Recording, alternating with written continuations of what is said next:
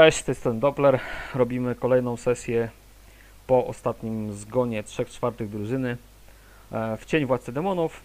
E, Próbujemy kontynuować kampanię, która w poprzedniej sesji prawie że upadła po śmierci postaci, ale będziemy próbować dalej. Są nowe postaci, wymyśliliśmy jakie po, po, pokleić i powprowadzać, zobaczymy co z tego wyjdzie. E, Mamy ten sam zestaw graczy, ale oni mają nowe postaci. Jest z nami tradycyjnie Gula, który tym razem się wcieli w człowieka e, imieniem Redan, który jest obecnie scoutem. Dobrze mówię, Gula? Tak, dokładnie. Dobra. Tak, e, Mhm. Jak chcesz oczywiście powiedzieć jakieś zdanie o swojej postaci, to słucham. I jeśli chcesz podczas gry, to zrobimy to podczas gry. mm, podczas gry. Dobrze, dobrze. E, następnie jest jedyna postać, która przeżywa od samego początku, zanim jeszcze w ogóle zaczęliśmy to nagrywać. Mm, I od samego początku prologu jest tej historii jest, e, jest to gracz e, Nemantis, który prowadzi Gabriela Czarnoksiężnika, czy Wiedźmaka, coś takiego teraz w tym momencie, dobrze mówię? To dość skomplikowane, bo to jest profesja łączona. Mhm, E, sorcerer z warlockiem, ale wszystko wokół magii. mhm, jasne. I Cześć E, wszystkim. Mhm, tam tylko mo- może tak delikatnie skoryguję, e, to jest chyba Magician, tak? Wyjście i potem ten właśnie Warlock.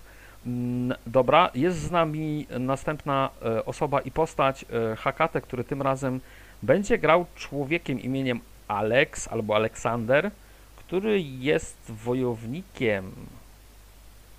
Cześć. Cześć. E, Powiedz coś więcej. Ja z tego co widziałem, to po prostu będzie chyba jakimś bardzo ciężko opancerzonym e, tarczownikiem, coś w tym stylu. No tak, no wyszedł po coś takim e, typowo sztam- sztampowy wojownik, który nawet odebrał jakąś edukację wojenną, Mhm. a z racji ostatnich wydarzeń postanowiłem, że skupię się na obronie, więc generalnie wszystko w pancerz. Jaha.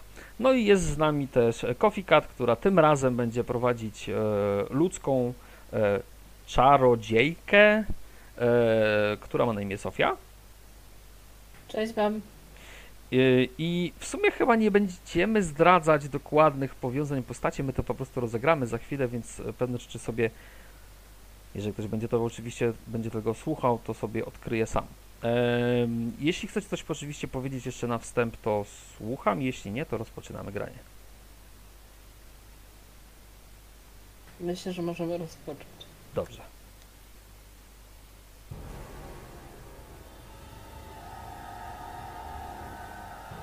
Trzy miesiące temu. Okolice żelaznych szczytów. Mały, mokry zagajnik i chata widzącej. Późne popołudnie jest chłodno. Wszyscy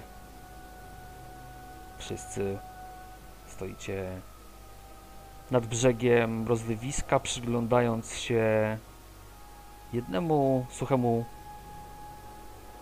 wyschniętemu, można powiedzieć,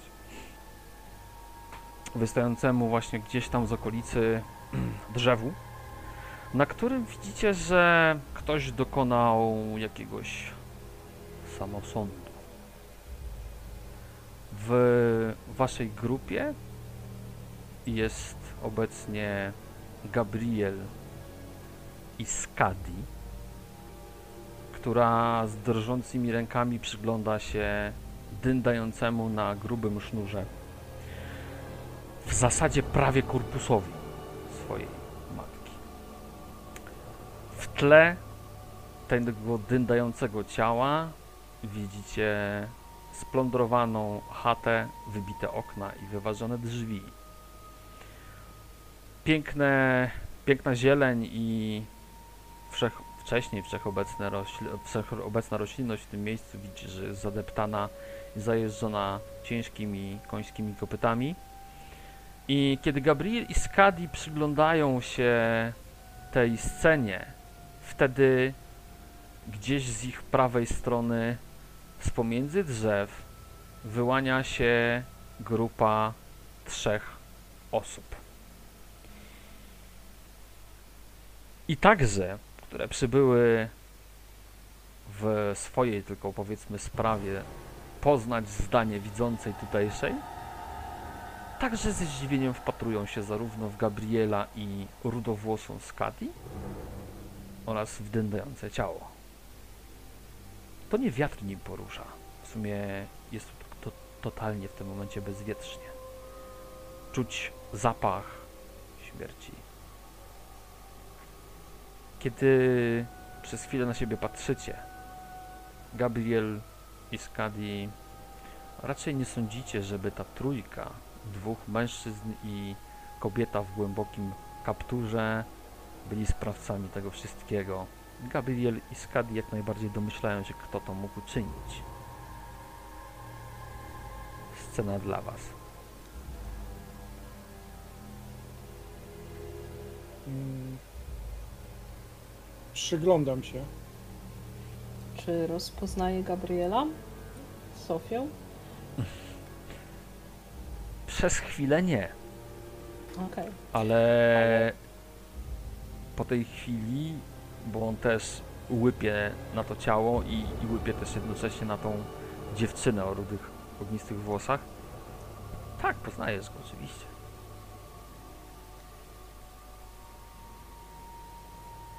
Mm, Mistrzu gry, ja się rozglądam.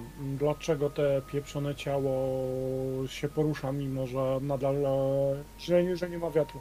Rozglądasz się em, jako wprawny scout. Nie zauważasz żadnego zagrożenia, przynajmniej w okolicy. Nie widzisz też powodów, dlaczego miałoby się bujać.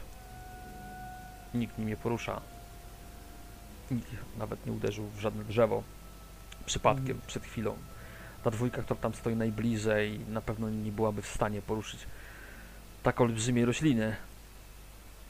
Więc nie.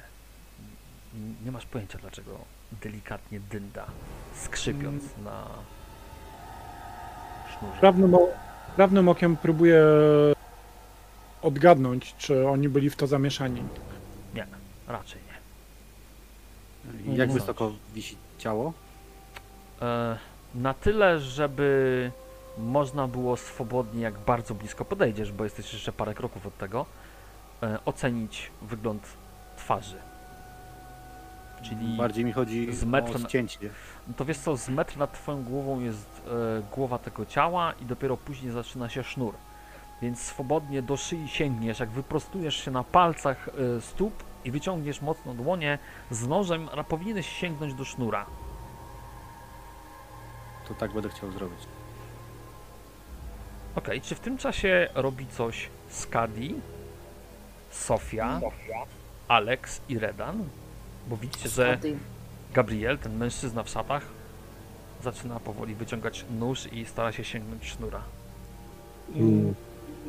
Skadi stoi bez słowa, ale trudno powiedzieć, czy jakiekolwiek emocje malują się na jej twarzy. W środku chce jej się krzyczeć, zapewne próbuje stłumić nienawiść do tego człowieka, który to zrobił, ale stara się też e, skupić na tym, czego uczyła ją matka, więc e, odchodzi tylko na bok, ale pewnie zauważa obcych, więc e, skiwa głową Gabrielowi. A Alex trzymając dziecko na ramieniu No tak. podchodzi e, do tej dwójki i się tak takim trochę wkurwionym głosem się pyta, co się stało? Tak naprawdę do końca to nie wiemy. Nie było nas tutaj. Natomiast byliśmy wcześniej i możemy się tylko domyślać. Jechało w tą stronę paru. Wyglądali jak wyznawcy nowej wiary i chyba im zależało na zabiciu widzących. Tak naprawdę jedyne co teraz możemy zrobić, to chyba godnie ją pochować. Pomogę, pomogę wam.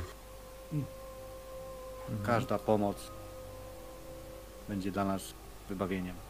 Mistrzu gry, Mhm. e, ja staję tak, żeby w każdej chwili móc e, strzelić, jeżeli będzie jakieś zagrożenie.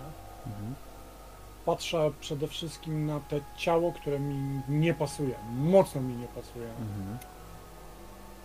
E, Ja jeżeli ono się właśnie poruszy albo zrobi coś takiego, będę próbował przynajmniej odciągnąć dziecko od tego wiszącego ciała, tak? Dziecko jest na ramieniu Aleksa, więc powinno być bezpieczne.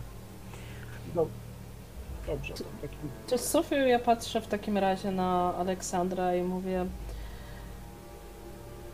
I widzę pewnie, że Redan e, jest e, czujny, Mhm. e, jakby groziło nam jakieś zagrożenie, bo zapewne znam tego przystojnego człowieka, więc mówię po prostu do Aleksandra, daj mi e, popij na ręce i pomóż naszemu przyjacielowi, a tymczasem e, podchodzę tak cicho, e, żeby Gabriel nie zobaczył, ale scena nie sprzyja powitaniom, więc po prostu naszym zwyczajem wymieniam z nim spojrzenia, jeżeli nasze oczy się skrzyżują.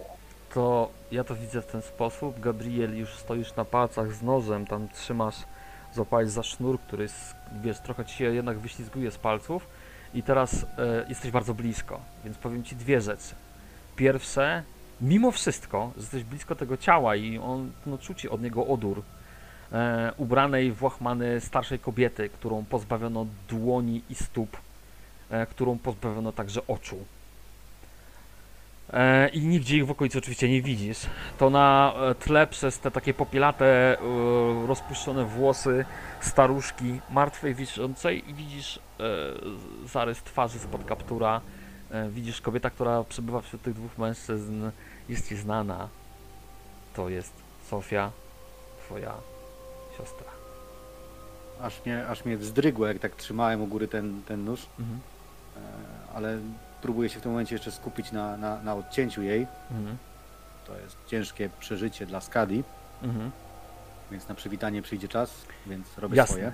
Więc e, kiedy kontynuujesz, e, widzicie, że e, raczej to w tym momencie bardziej Gabriel.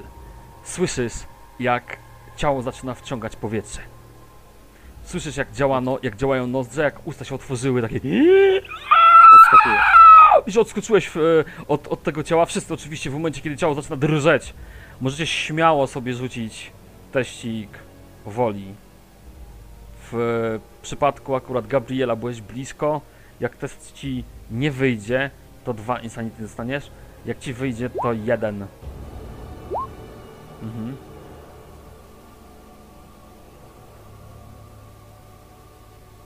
No, Czekam na kolejne. No, Redan, podskoczyłeś jeden Insanity.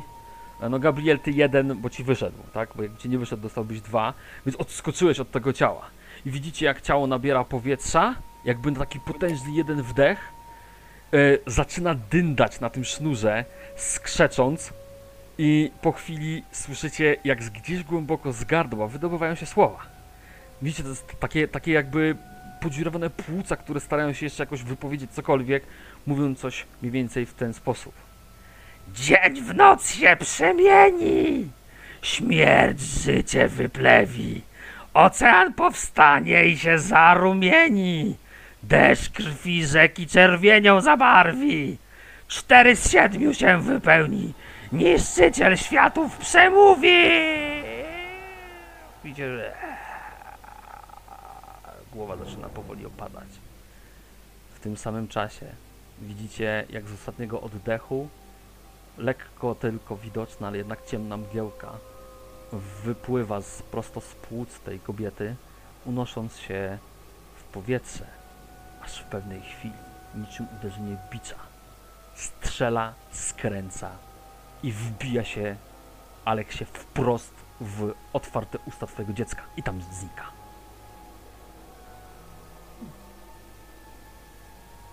A patrzę tak e, zaszokowany. To chwilę było. Ja, Sofia, co z nim? Patrzę co z dzieckiem przede wszystkim. Próbuję pewnie instynktownie zasłonić, ale mi się nie udaje, więc Nie, to była chwila. co, no spoglądam co z małą, E, czyli Wygląda jakby spała.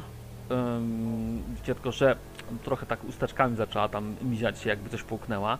I w tej samej chwili słychać takie pff, strzelenie tego, e, tego sznura i ciało widzicie z takim gruchotem upadł na ziemię.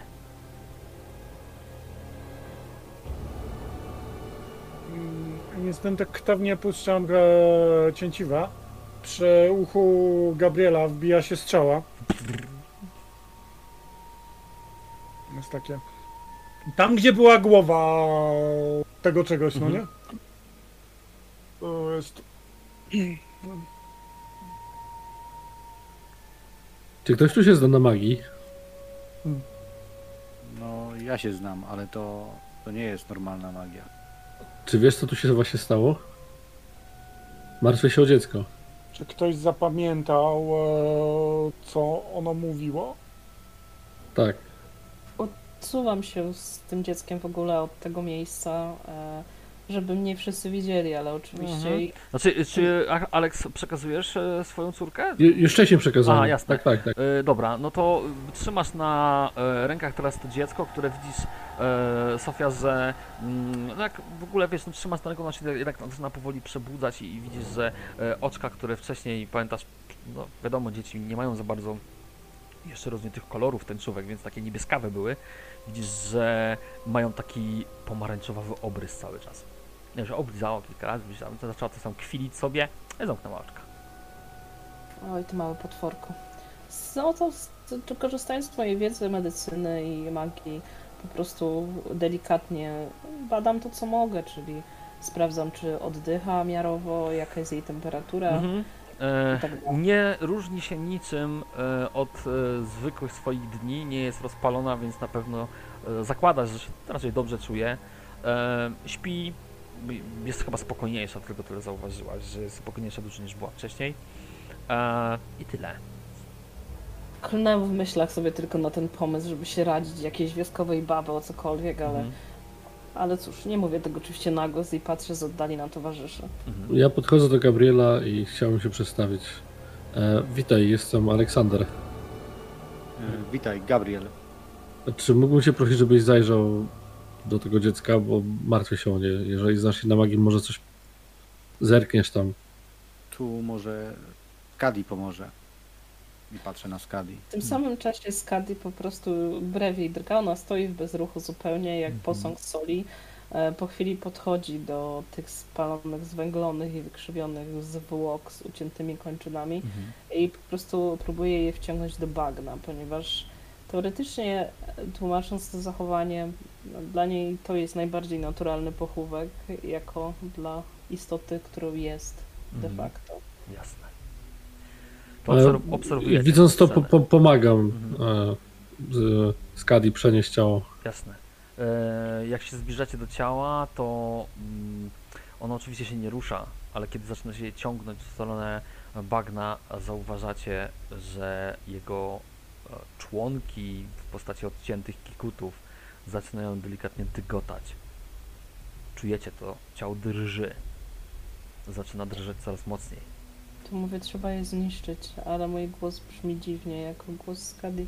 Tak jakby dochodził z jakiegoś pustego człowieka, naczynia. Dobrze, więc ja, ja polewam, e, odkładam to ciało, polewam je e, olejem do lamp i podpalam. To wiesz, to trochę zajmuje, więc wyciągasz tą No tak, rękę, żeby polać i widzicie, że nagle ciało, widzicie, staje na tych kikutach, podbiega i wpada w błoto. Podchodzę do niego dalej. No jest już tam gdzieś w bagnie, tylko widzisz taką falę odpływającą. Aha, Chodzi o to, że czyli wpadło. u, uciekło, dobrze rozumiem, tak? Tak to wyglądało. E, Testy Okej. woli oczywiście każdy może jeszcze raz rzucić. A nie musi, co? Może czy musi? Musi rzucić. To nie jest coś, co normalnie się widuje na co dzień. Tym razem Aleksander i o, kto, ktokolwiek. Gabriel tym razem podskoczyłeś znowu.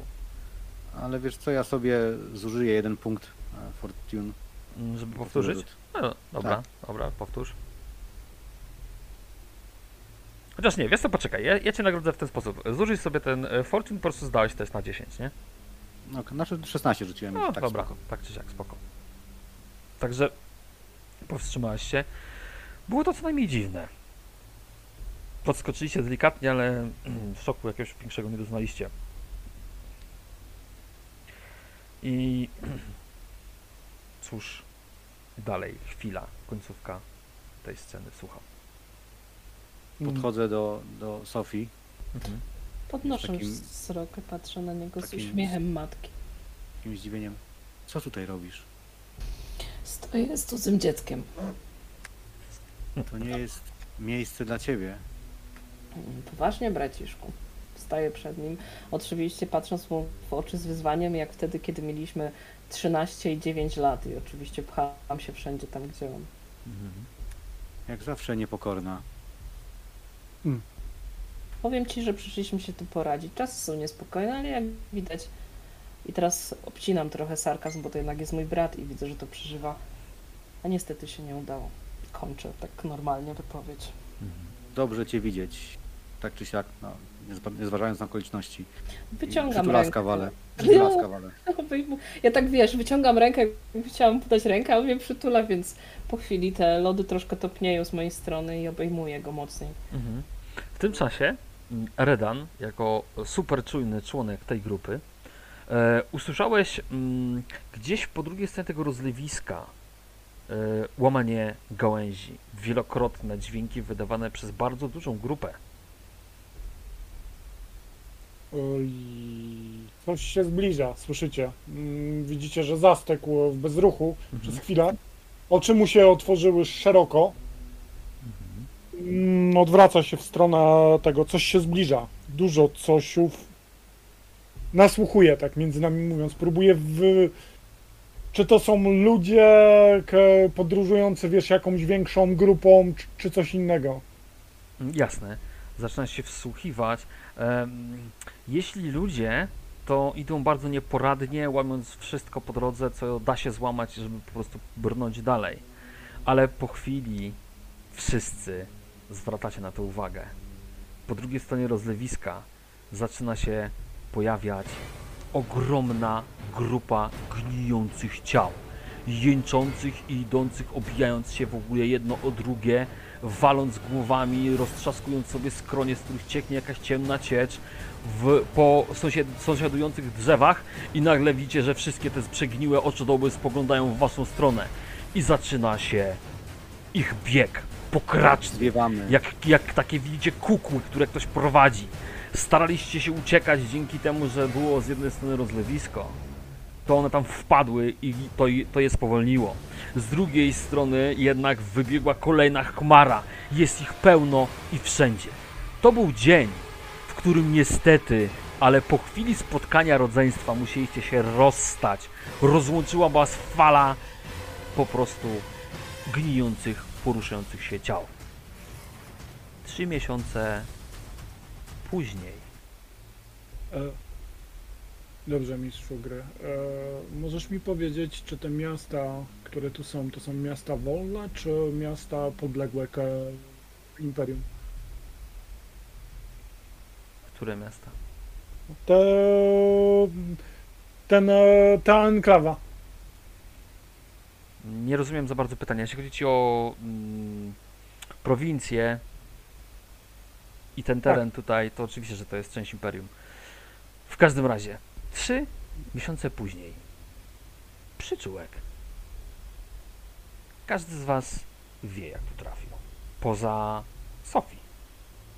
Bo Sofii akurat udało ci się mm, dołączyć do jakiejś grupy badaczy, która przez te trzy miesiące, poza tym, że próbowała uciekać, starała się też badać ten fenomen żywej śmierci. I ty wraz z tymi badaczami, jak się też okazało, był tam twój wcześniejszy były nauczyciel magii. Już ci mówię nawet, jak ma na imię. Mm, Jest to mistrz Elvenbrad. W średnim wieku mężczyzna, ciemne włosy, w takiej po- podróżnej raczej jakby nawet nie szacie, tylko ubraniu.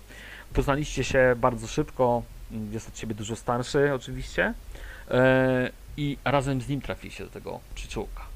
Jesteś tutaj już jakiś czas, na szczęście wewnątrz nie było jeszcze większych incydentów, mniejsze wiesz, że, są szybko gaszone. I akurat tego dnia, tego popołudnia późnego, w którym Gabriel przetrwał terror w postaci mordowania swoich towarzyszy i uciekając teleportowałeś się w dosłownie wybranym tylko punkcie, by się pojawić. W tym konkretnym właśnie dniu Sophie szłaś sobie, słuchaj, z torbą pobrać próbki krwi od właśnie nowo przybyłych do e, przyczółka. Twój mistrz ma bowiem teorię i myśli nad tym, jak przyspieszyć wykrywanie sytuacji, która mogłaby doprowadzić po śmierci danej osoby właśnie do powstania z martwych. I idąc po te próbki, w pewnym momencie następuje taka scena, gdzie jeden z namiotów po prostu wylatuje w powietrze. E, Płachta się roztrzaskuje, e, słychać brzęk rozrzucanych wszędzie e, naczyń, jakichś patelni, e, garnków, e, jakichś takich widzie zwiniętych na skórach e, posłań, e, odkrywając to, co jest w środku. W środku natomiast, e, jak ta płachta opada w tym momencie dosłownie metr przed Sofii, widzisz e, naelektryzowanego jeszcze e, magią swojego brata z przerażeniem na twarzy, z plamami krwi na twarzy, a wokół niego, po, pomiędzy Sofii a Gabrielem, z posłania właśnie wstaje lekko niezadowolony Aleksander, któremu właśnie e, jakieś e, smaczne jedzenie z patelni wystrzeliło w powietrze, e, oraz zdziwiony podczas drzemki i zbudzony bardzo szybko Redan. E, w tym jeszcze dodajmy, że e, słychać tam płacz dziecka, wycie tej twojej córki, Alex po prostu e, w tym momencie dominuje głównie. Patrzycie ze zdziwieniem na siebie, jak sznurki z powietrza gdzieś tam opadają, patelnia brzdęknęła, teraz widzicie pomiędzy gdzieś tam wami jeszcze, zapada powoli cisza, chociaż wzbudziliście zainteresowanie okolicznych twarzy. Patrzę tak brew mi drga tylko i podchodzę powoli do niego, wyciągając rękę i kładąc mu na ramię, zważając na te prądziki, które pewnie jeszcze przechodzą po... Czy, tak, jego czyli po prostu włazisz w, to, w ten właśnie rozpieprzony namiot pomiędzy dwóch mężczyzn, których w sobie chyba kojarzysz z twarzy, e, słysząc e, po prostu gardło drącego się dziecka i przy, co, kładziesz rękę na swoim przerażonym bracie. Tak, no bo... Ty, Gabriel, w ogóle wiesz, w ogóle ła, łapiesz dopiero, wiesz, to są te, te, to jest te kilka sekund, które łapiesz w ogóle, co się dzieje wokół ciebie po tej teleportacji, nie? Gabriel, Gabriel bardzo mocno oddycha. Mhm. Słychać każdy wydech. Kurwa, stąd trzeba uciekać. Oni zostali zabici. Pomóżcie się gdzieś schować, szybko. Łapię go mocno, zamykam go w ramionach, tak jak e, bym wiedziała, że traci kontrolę troszkę i jest w jakiejś traumie. Ja nie wiem, co się stało przed chwilą, ale widzę po jego stanie, że było to coś e, mocnego, więc staram się Świeża krew na policzku. Tak, nie zważam na to, chociaż no, normalnie, normalnie mnie to obrzydza, Mhm. w takim sensie, że nie lubię brudu, ale po prostu go łapię mocno, żeby go troszkę uziemić, nie? Ja widząc to, co opisałeś, po prostu no, natychmiast staję na nogi, łapię zatarczę i myślę, co się kurwa dzieje. Za- Jasne. A ja robię najlepszą rzecz, którą mogę zrobić. E, Wyciągam smoczek i wpycham w mordę dziecku. Smoczek powiadasz, czy że z czegoś, żeście coś tam upletli, tak, dla tego dziecka. No dobra. No dobra, musiałem gdzieś tam, wiesz, Jak stara umoczyć. skarpetka. No, no, nie, nie, nieważne. Ważne, że umoczyłeś, w, w, przypuśćmy w jakiejś słodkiej, e, w, jakiejś, w jakimś No. słodkim korzeniu, nie? I, I włożyłeś jakiś kawał skóry jej w usta, ale widzisz, że ona tak lekko pociągała, wypluła i widzicie, wyje machając roczkami cały czas, nie? Dobra, biorę ją na, na ręce, wiesz, próbuję uspokoić. Jasne. Oczywiście po tych trzech miesiącach dziecko jest już troszkę większe, ma już nawet e, jakieś kubki włosów. E, kolorystycznie widzicie, że włosy są czerwone. Prawie Mhm. czerwone. E, No. ona wyje. No, wziąłeś ją do ręce, to wiesz, jak spojrzała na ciebie takimi e, w tym momencie zielonkawymi oczami z obrysem takim, wiesz, pomarańczowym, lekko błyszczącym. Przez sekundę nie płakała, potem zaczęła wyć, aż się zanosi. Robi się czerwona na twarzy. Jest tak, słuchaj, e, to jest takie ciche. Słuchaj duchu, który ją opanowałeś, zamknij się, bo ściągniesz na nas kłopoty. Nic to nie daje. Dziecko Mówi tylko. Redan, Redan, kołysanka. Raz, dwa, trzy. Imperator miał krótką nóżkę. Jedzie. Mm, kochanie, bo jak nie, to w pierdol dostaniesz. Słuchaj, Dziecko Gabriel- płacze, Gabriel- no. Czuje Gabriel emocje nie chyba negatywne. Gabriel nie słucha tego, co się dzieje. On chwyta Mhm. Sofii za, za, za rękę. Trzeba stąd uciekać. Gdzie jest time od medyków? Spokojnie, ale co się stało? Gabrielu, czekaj, chodźmy gdzieś stąd, bo... Albo... Ym, Alex, weź postaw ten namiot, tylko ten namiot, y, pod którym mieszkasz, nie ten drugi, wiesz.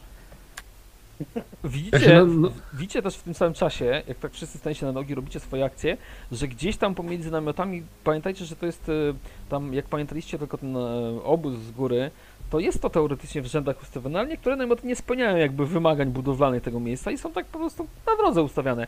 Są jakieś brzęczenie, chlupanie e, butów zbliżających się w tą stronę i słuchaj, takie e, jakby, m, widzicie, głosy, które zaczepiają kogoś. Widzieliście? Taki, starają się, widzicie, opisywać mężczyznę, która przypomina może Gabriela trochę, ale przypomina też jakieś pewnie ze 30% innych mężczyzn tutaj.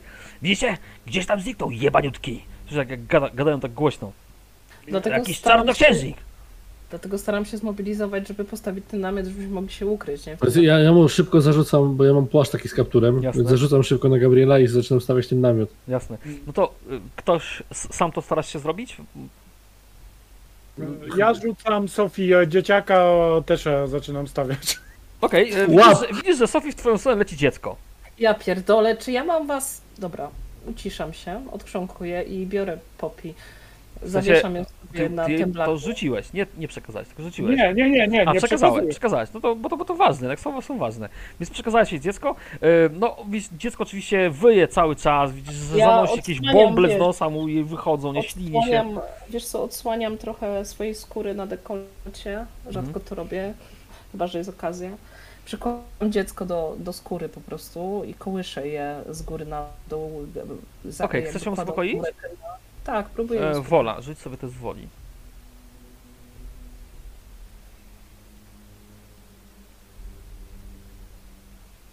Okej, no widzisz, że po kilku sekundach dosłownie, e, no dziewczynka przestaje, wiesz, już jakby się tak mocno zanosić, tylko tam sobie trochę ciszej łuka, e, czujesz, że ci obśliniła i zafefluniła, wiesz, cały dekolt, ale już powoli się uspokaja. E, W tym czasie Redan i Alex mm, łapiecie się za tą połę namiotu, staracie się znaleźć te wcześniejsze badyle, które utrzymywały go w pionie w miarę. Stawiacie po prostu namiot. Co robi Gabriel w tym czasie? W nowym płaszczu. No, Gabriel już teraz troszeczkę się tak uspokoił. Mhm. Tak naprawdę stracił mm, chęć biegnięcia dalej, bo nawet sam nie wiedział, gdzie ma biec, Mhm. więc, więc patrzy na rozwój sytuacji. Jasne. No to widzicie, że podczas tego jak wystawiacie namiot, e, pomiędzy właśnie innych otaczających was, e, no pojawiają się powoli zakazane mordy, które rozpoznaje Gabriel, wi- widzicie ich pierwszy raz. E, to są sami mężczyźni, mm, brudni, spoceni, krótko obcięci, chyba po, tylko po to, żeby włosy im za bardzo nie przeszkadzały. E, gęby są pokryte jak widzicie jakimiś plamami. Dwóch z nich widzicie, że chyba jest rannych, bo mają dość e, duże ilości krwi na sobie, na twarzy, jęczą trochę też z bólu. Każdy z nich trzyma, wiecie, sztylet albo nóż. Rozglądają się cały czas jakby wokół, szukając celu. No. Ukazuję ręką, tam pobiegł. Czy, nie, wiesz co, ja, czy ja mogę użyć zaklęcia Figment, żeby stworzyć iluzję Gabriela, która gdzieś tam znika między namiotami? Możesz zaklęcia użyć, czemu nie? No to czynię w ten sposób. E, Tworzę iluzję Gabriela, m, która wbiega gdzieś tam w kierunku, powiedzmy, namiotu, e, znaczy wieży strażniczej albo coś takiego, żeby tam znikł gdzieś Mhm. za rogiem, ale w innym kierunku niż my. Jasne, no to tak czy siak, wiesz, wymawiasz słowa zaklęcia, e, gdzieś tam powiedzmy tą swoją różdżką czy kosturem, co masz do, do rzucenia zaklęć? Co, E, co, co skupia wiesz, twoją, co- twoją moc? Dziękuję. Czy, czy to może być tak dziwnie, że to może być bransoleta? Dość taka spora. Może na, być, To jest klejnotem. Tak. jasne. Że odsłoniłaś bransoletę, nie? I tam zaczynasz tą samą ręką machać w powietrzu, dziwne znaki. E, tak, faktycznie wszyscy spostrzegacie, że nagle po prostu ze zdziwieniem najbardziej to Gabriel, to jest postać tyłem, więc ona przypomina Gabriela, może w ten sposób, który stara się uciekać w przerażeniu pomiędzy namiotami.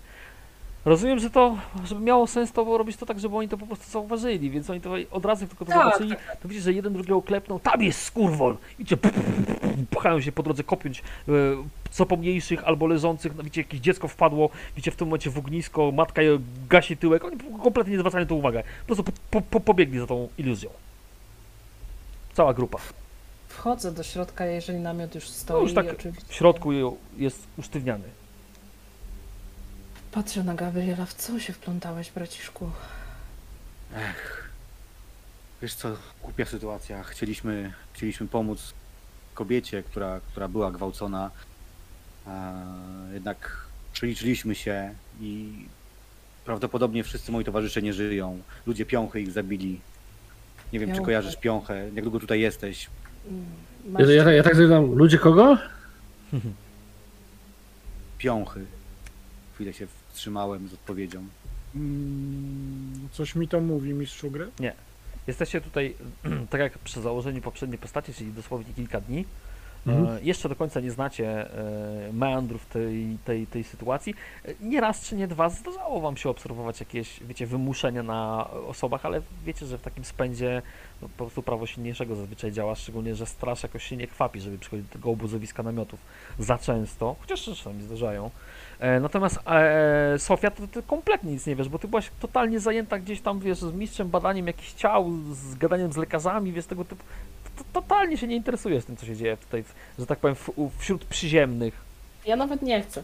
Patrzę O. na, na Gabriela i mówię, nie wiem czy kojarzysz, e, braciszko, ale Elvenbrat mnie przysłał tutaj, żebym badała próbki krwi. Masz więc jestem tu dosłownie od niedawna. I patrzę, w ogóle zwracam uwagę na jego bransolet, bo on ma tą e, opaskę, nie? A ja przypuszczam, że mam jakąś inną opaskę. No ja nie wiem, a to już pytanie do Gabriela. Bo czerwoną opaskę mieli wszyscy, którzy tu byli. A, no to wszyscy mają, wszyscy macie. Okej, e, ok, no więc mówię do niego, przybyłam tu, żeby badać. E, Chcę tylko powiedzieć, wszyscy macie. Sofia, ty też masz, bo na razie jeszcze nie wy, ten twój mistrz nie wymyślił sposobu.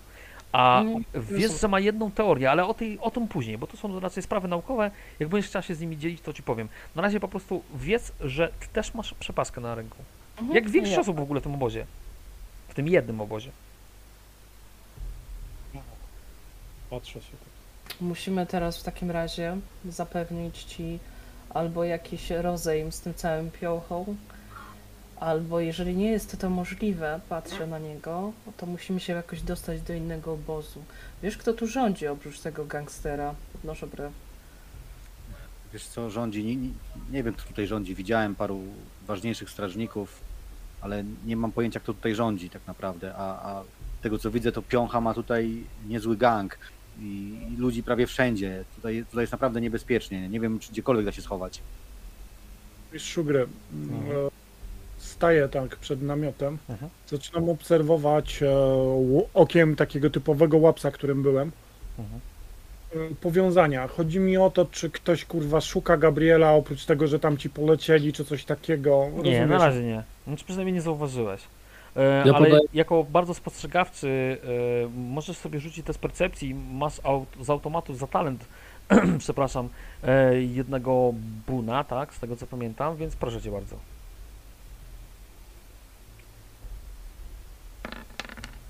O Mm. Nie, niestety nie dostrzegasz żadnych powiązań. Nawet widzisz, jak ty się bar- bardziej przyglądasz, wiesz, po ludziach siedzących przy jakichś niewielkich paleniskach, bo takich dużych ognisk w tym obozie dosłownie są dwa, reszta to są takie malutkie, dymiące tylko, to widzisz, że oni czasami patrzą na ciebie i odwracają po prostu głowę ze, z przestrachem, jak ty się tak, wiesz, przyglądasz, ale poza tym nic nie dostrzegłeś. Dobra. Ja podaję Gabrielowi e, moją e, e, chusteczkę, która nigdy się nie brudzi i mówię, żeby się, się umył.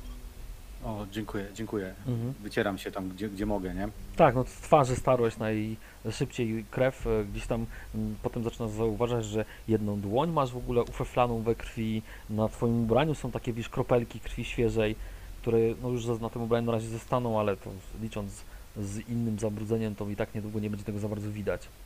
Więc wytarłeś Mistrzu- twarz głównie. Wchodzę do namiotu, lekko pokręcił w stronę. Czekaj, bo jeszcze nie pamiętam jak się nazywa ten. Aleksandra głową, że nic nie widziałem. E, biorę od Sofii tą e, dziewczynkę, sadzam ją To, tam, gdzie to leżała. poczekaj, poczekaj, biorę od Sofii. Sofia, dajesz? Nie daję tej No, dziewczynki, więc jakby ja no- przytulam nie- i kołyszę. Jasne. Patrzę I- niego. Więc, więc widzisz tylko, że Redan podszedł do ciebie i wyciągnął łapy po dziecko. Natomiast y, ważna rzecz informacyjna dla Sofii, dasz sobie, znaczy możesz przysiąc i dać sobie nawet dłoń uciąć za to, że y, kiedy wymawiałaś słowa zaklęcia, dziecko totalnie przestało płakać i się głupio uśmiechało w tą stronę. To ja patrzę na nią, kto będzie przyszłą magiczną królową.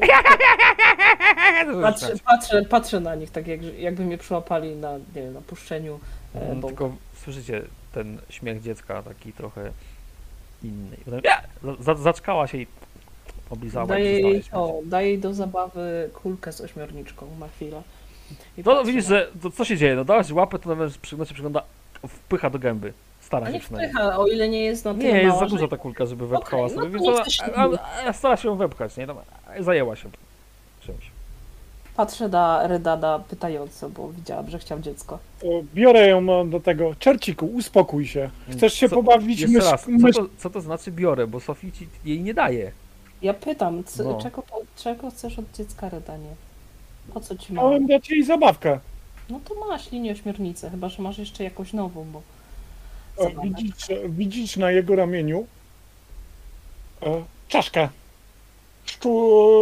myszy, która ci się przygląda, lekko przekrzywiając się w jedną, w drugą stronę. Patrzę, czy to na pewno jest higieniczne? Podnoszę brew. O, Ale uśmiecham się do niego lekko, Mhm. po prostu to jest taka e, szyderka lekka.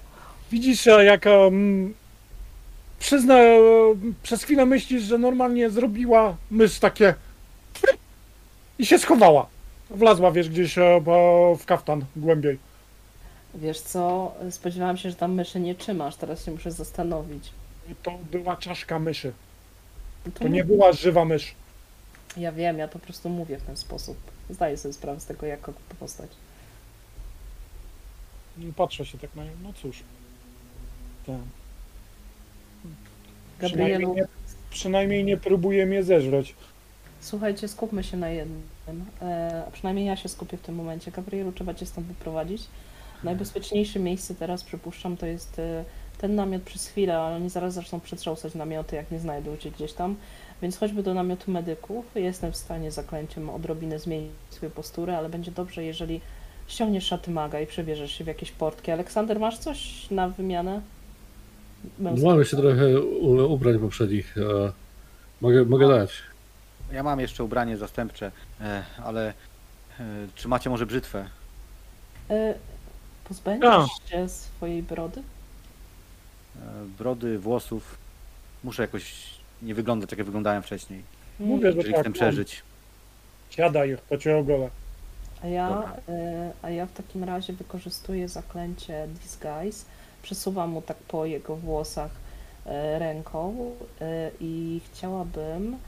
e, Czekaj, co ja tu mogę zmienić? Apparent height or weight. Dobrze. E, W takim razie zmieniam jego wzrost, e, czynię go grubszym Mhm. e, i wyższym, gdzieś tak o, nie wiem, 30 cm, jeżeli da radę. Mhm.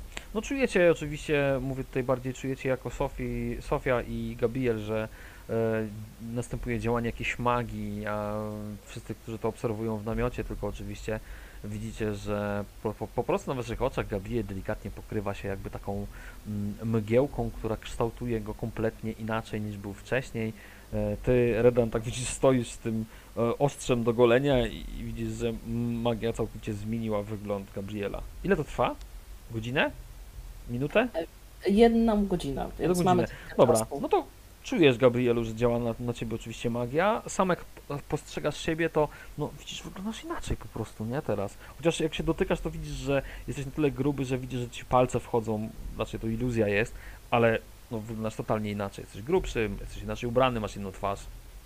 No to może odłóżmy w takim razie golenie na później. Szkoda marnować czasu zaklęcia. Hmm, Skiwam głową. Biorę go pod rękę, tak jak był moim dobrym znajomym. E, Mhm. To dziecko, bo możemy przecież udawać, że jesteśmy rodziną. E, I zmierzamy do e, wszyscy, chodźmy wszyscy może tego namiotu medyków. Nie, nie wiem, jakie inne miejsce mogło być bezpieczne. Musimy się naprawdę zastanowić, jak, jak z tej kabały wyjść, bo ci ludzie nie spoczną, jak rozumiem, dopóki cię nie znajdą. Pewnie nie, słuchajcie, i tak naprawdę widziałem, widziałem śmierć mojego towarzysza. Natomiast nie wiem co, co, co ze Skadi, bo gdy się teleportowałem, to ona jeszcze żyła. Nie wiem, nie wiem, chciałbym tam wrócić, ale z drugiej strony też wiem, że jak pójdziemy tam teraz, to... Słuchaj, to... może nawet niekoniecznie przejdźmy koło tego miejsca, ale postaraj się nie zwracać bardzo dużo Poczekaj, ja pójdę. Gdzie to było? Tam, za tamtymi namiotami. To ja biorę tarczy, e, Tak, e, miecz, ale miecz jest schowany w pochwie i idę tam. Aleksander, stój! Może lepiej ja nie będę ściągał uwagi. Ty przypilnuj, żeby, Reda, żeby Sofii się nic nie stało i dziecku. Ja się, ja się rozejrzę. No to leć. Mistrz gry. Ja e, mówię bo- jeszcze do Reda na Red. Spotkamy się pod namiotem medyków, dobra? Tam ustalimy mniej więcej, czy jesteśmy w stanie jakoś z tym całym piochą paktować, bo jeżeli się nie zostaniemy z obozu, no to równie dobrze mój brat jest martwy, a skoro on jest, to ja pewnie pójdę tą samą ścieżką, puszczę mu oko. Patrzę się, wystarczy, że przetrwamy jeszcze dzień. Z tego co wiem. Wzdycham. No, zastanawiam się nad swoim repertuarem. Mówię, ja nie wiem, jak bardzo będę w stanie pomóc. Troszkę tak, E, ale... Słuchajcie, przede wszystkim to unikajmy walki, bo to nie ma sensu. Dobrze, poczekaj. E, Mistrzu gry, idę takim rozluźnionym krokiem, bo staram się ukrywać, no nie? A Wiesz, Ale ukrywać gdzie się... idziesz? Gabriel ci Idę- powiedział, gdzie masz iść? E, tam, tak jak słyszał Gabriel, tak jak słyszałem, za tamtymi namiotami, tak? Czyli Gabriel wytłumaczyłeś mniej więcej jak tam pójść, tak? tak? Ja, ja pokazywałem Aleksandrowi, ale zakładam, że jak, jak e, Dobra, Redan okej. stał obok, to Dobra, no to. Redan na razie u, u ciebie ucinamy tą scenę, ruszyłeś między namiotami, wiesz jak się przemieszczać, żeby nikt za bardzo na ciebie nie zwracał uwagi, więc po prostu tam idziesz. E, co robi reszta? No my staramy się dostać w miarę nie budząc y, wielkich tych... y. No. Pójdę przodem, wyjdźcie za mną. Dobra, tak jakbyśmy się troszkę nie znali, no to ruszamy do namiotu. Mhm. Jestem, jestem dosyć duży, więc jeszcze to- dodatkowo w tej zbroi, w tej To raz, tarczy. tak, dokładnie. Po, poza tym wiesz, masz e, mm, zbroją kolcze, z- zbroję kolczą, przepraszam, pokrytą elementami jeszcze zbroi płytowej, więc idziesz, no, brzęczysz tym wszystkim troszeczkę. Nikt nie, nie wyskakuje wam na drogę, oczywiście, nawet po, pomijając, wasza grupa wygląda e, w sumie dość okazale i raczej groźnie. E, na, na przedzie idzie faktycznie odziany w ciężką zbroję jakiś wojownik, to widać. Za nim kroczy osoba, która totalnie tutaj nie pasuje, bo ma dużo czystsze i bardziej dostojne szaty i mówię tutaj o Sofii, jeszcze trzyma na ręku dziecko, e, no i trzyma za rękę jakiegoś takiego pokaźnego, pucelastego mężczyznę. Idziecie tą trójką, no, czasami zdarza się, że ktoś z namiotu odruchowo wyciąga drewnianą miskę, w której widać resztki niedojedzonego jakiegoś posiłku i stara się chyba no, po prostu błagać was o jakieś resztki, żeby mu cokolwiek dać. Widzicie, że to są osoby najczęściej albo poranione, albo chore na jakieś e, widzicie, wypryski, które powodują, że skóra schodzi dosłownie pasmami. E, śmierdzi z tych namiotów, które mijacie, no wiadomo, no. Można powiedzieć co- codzienność tutaj w niektórych częściach. Wreszcie wychodzicie na ten e, taki pusty placyk, można powiedzieć, z już po, powolutku zaczynającymi się jakimiś zapasami, e, z dużym paleniskiem, na którym teraz e, jest coś faktycznie gotowane, widzicie, w obstawie straży starszy pucelasty też mężczyzna wąsaty, widzicie, coś gotuje w garze dla oczekujących z miskami po prostu. Wiecie, że za chwilę pewnie będą e, zwoływać takich najbardziej potrzebujących, a to w sumie i tak większość osób tutaj podejdzie pewnie, na jakiś bardzo rzadki posiłek e, wieczorny, e, więc macie spokojnie czas i okoliczność i możliwość, żeby po prostu jakoś tam sobie dotrzeć, wreszcie, żeby zobaczyć ten duży namiot. E, jeden z tych dużych namiotów. No, zakładam, że Sofia wiesz dokładnie, który to jest namiot szpitalny, które to są namioty medyków, e, a w którym namiocie dyskutujesz ze swoim mistrzem, tak? Więc tam są trzy takie e, duże. Więc e, w każdym razie zmierzacie w tamtą stronę. W tym czasie kilka słów dla Redana. Redanie, przechodzisz w okolicy miejsca, które wskazywał Gabriel. No tak, no widać, że tam jest faktycznie taki rozgrzebany namiot, ale widać też w tamtym miejscu strażników. E, to jest jedna rzecz.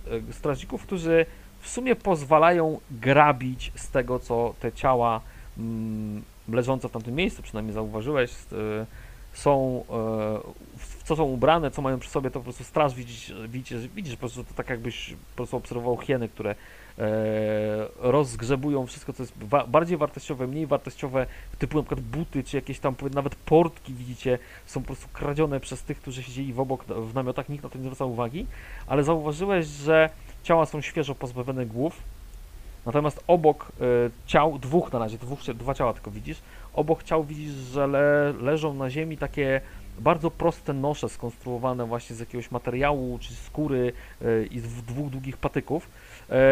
Sześciu albo siedmiu strażników tam naliczyłeś. Słyszysz jakieś rozmowy też wewnątrz namiotu, który jest zachlapany krwią.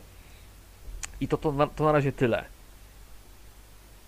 Mm, mistrzu e, możliwość e, podsłuchania, co się tam dzieje? Czy nie za no, bardzo? Wiesz, jakieś słowa do ciebie docierają, to są bardziej e, albo mm, radość ze znalezienia czegoś, co jest bardziej wartościowe, e, albo e, z namiotu czasami zdaje ci się, że ktoś dyskutuje na temat jakiejś kukły, którą ktoś tam porzucił. E, na przykład coś takiego się pojawia. No i wreszcie widzisz jakiś pucelasty mężczyzna, który właśnie sobie obejrzał, e, gdzieś tam widzisz e, na tle pochodni mm, jakąś ozdobę ściągniętą z jednego z ciał. Tak Dobra, trzeba ich ładować, bo tam doktor czeka, stwierdził. A i weź ta poszukajcie tej rudy, co on chciał. Tak zaczynają tak jakby między sobą w ten sposób rozmawiać to tyle, no. Co po prostu się dzieje tam na miejscu już. Dobra. No, patrzę, czy czegoś nie przeoczyli. Patrzę w, jakiś... Czegoś wartościowego, co Ale ty tam chcesz skupić. podejść pomiędzy tych wszystkich ludzi, którzy tam szabrują, czy... No cóż... E... Aha, tam jest dużo osób, tak? No tam jest, wyobraź sobie, że tam jest sześciu, może siedmiu strażników, e, dlatego że część nie widzisz przez namiot, którzy w sumie to pilnują tylko tych ciał, przy których stoją, natomiast jak nogi gdzieś wystają na boki, coś upadło w błoto, albo coś, to już widzisz, że jest na twoich oczach rozszabrowywane przez osoby, które po prostu mieszkają w namiotach, skrajnie, jakąś skrajną biedotę dosłownie, nie? Resztki jedzenia, które się gdzieś walają, po prostu porozrywane worki, plecaki, po prostu jak zwierzęta się zachowali. Na pewno wcześniej tu były osoby, zanim straż tu podeszła, były osoby, które to widziały, a strażnicy przybiegli pewnie dlatego, bo byli wezwani tak rozglądać się pewnie przez tych wartowników, którzy są na wieżach. Mm, którzy jednak dostrzegli, że coś tam się działo, więc e, oni też muszą być na świeżo, no nawet widzisz, że faktycznie dopiero rozbierają ciała w zasadzie z bardziej wartościowych rzeczy, ale głów już pozbawili ciała, wiesz, no głowy po prostu leżą takie pozbawione emocji na błocie. Dla, rozumiem dlaczego, bo No tak, to, wiadomo. to zapobiega No tak, prze, prze, przemienieniu się w martwiaka, tak? tak, tak. Patrzę tak o, jeszcze takim okiem, jakaś sakiewka zmieniająca właściciela w stronę straży albo coś w tym rodzaju, czy coś widać. Nie, E, właśnie jacyś e, rakieterzy, którzy co lepsze kąski z tych, co oni, e, ci, którzy po, pokradli. E, chodzi mi o to, próbuję się wczuć w tkankę społeczną e, namiotów. O to mi chodzi. no nie? e, nie widzisz e, przynajmniej w tej chwili w okolicy tej straży nikogo, kto by e, wyglądał lepiej niż żebrak z, z ulicy. Mhm. Dobra. Okej, spoko. To, to przechodzę. Mhm. E, tylko zaglądając tak przez tą połę, która była przez chwilę odchylona. To już musisz też E, percepcję sobie rzucić, żeby cokolwiek dostrzec w środku. No dobrze, okej, Mhm. spoko. Już, już rzucam. Mhm. E, jeden. Bum. Tak, tak. To za talent zawsze masz. No, nie, nie dostrzegasz za bardzo. Widziałeś tylko zarys chyba jednej, minimalnie jednej osoby, która się nad czymś pochyla, ale poza tym nic nie było widać. No dobra, spoko. Okej. Mm. Idę dalej, no nie? Okej. Przechodząc tylko tyle. Mm, mówisz dwa ciała. Jedną jest e, czu... ludzie, czy, czy, czy kto? Bo tak wiesz, Chyba ludzie. Chodzi mi o- Wydaje, wydaje ci się, że ludzie. ludzie. Mężczyźni? Twarze. Tak, chyba tak. Głowy leżą w błocie, ufajdane, ale mm, wydaje ci się, że tak. Uuu, czy na takie pobieżne, bo leżą trupy. Czy widać e, ciosy tych sztyletów, czy czegoś takiego? Wiesz co, tam się musiało dużo dziać z tego, co widziałeś. E, Bryzgi krwi pewnie by były na jakichś bardziej szlachetnych elementach tych osób, natomiast one obecnie to są nawet bez butów. Jeden nawet portek nie ma. Dobra, okej. Oni są szabrowani po prostu do granic możliwości. Dobra, spoko. E, To w takim razie odbijam, tak żeby nie zwrócić niczyjej uwagi. Jesteś scoutem, więc wiesz, tam gdzieś tam sobie po- popatrzyłeś, popatrzyłeś chwilę, jak uznałeś, że już trochę za długo stoisz w jednym miejscu, to po prostu poszedłeś sobie, nie? Więc spoko. Więc nawet nie zostawiam śladów na tym błocie. Tak, no wiesz jak chodzić, żeby nie zostawiać śladów, ale pamię- pamiętaj, że to musi być e, trwałe podłoże, więc jak w błocie, to zostawiasz ślady. Natomiast jak będzie gdzieś jakaś sucha powierzchnia, to zero. Nie, jesteś nie, nie, nie do wytropienia, możesz być, nie, nie do wytropienia. Mm, No dobra, więc e, tak, najpierw e, wasza trójka dociera pod ten duży namiot. Pytanie, gdzie prowadzi mm, Sofia nowych towarzyszy? Do namiotu, gdzie Mistrza. prowadzą badania, czyli tam, gdzie jest twój mistrz obecnie w tej sekundzie, e, E, do na, namiotu medyków, takich zwykłych fizycznych medyków, lekarzy, czy do szpitala? Ja mam generalnie wstęp do każdego z tych Tak, no tak, no jesteś, jesteś, wiesz, jesteś uczennicą tutejszego, wiesz, badacza, który stara się to rozgryźć, nie? Okej, to na samym początku prowadzam go do. A y, obcy ludzie z obozu y, mogą pewnie wchodzić do szpitala, jak są chorzy, ale raczej się nie zapuszczają do namiotu medyków, Z tak? tego co wiesz, to nikt tam nie wchodzi bez e, jakby takiego nadzoru lekarzy Do bez- szpitala, tak? do, do każdego z tych tematów.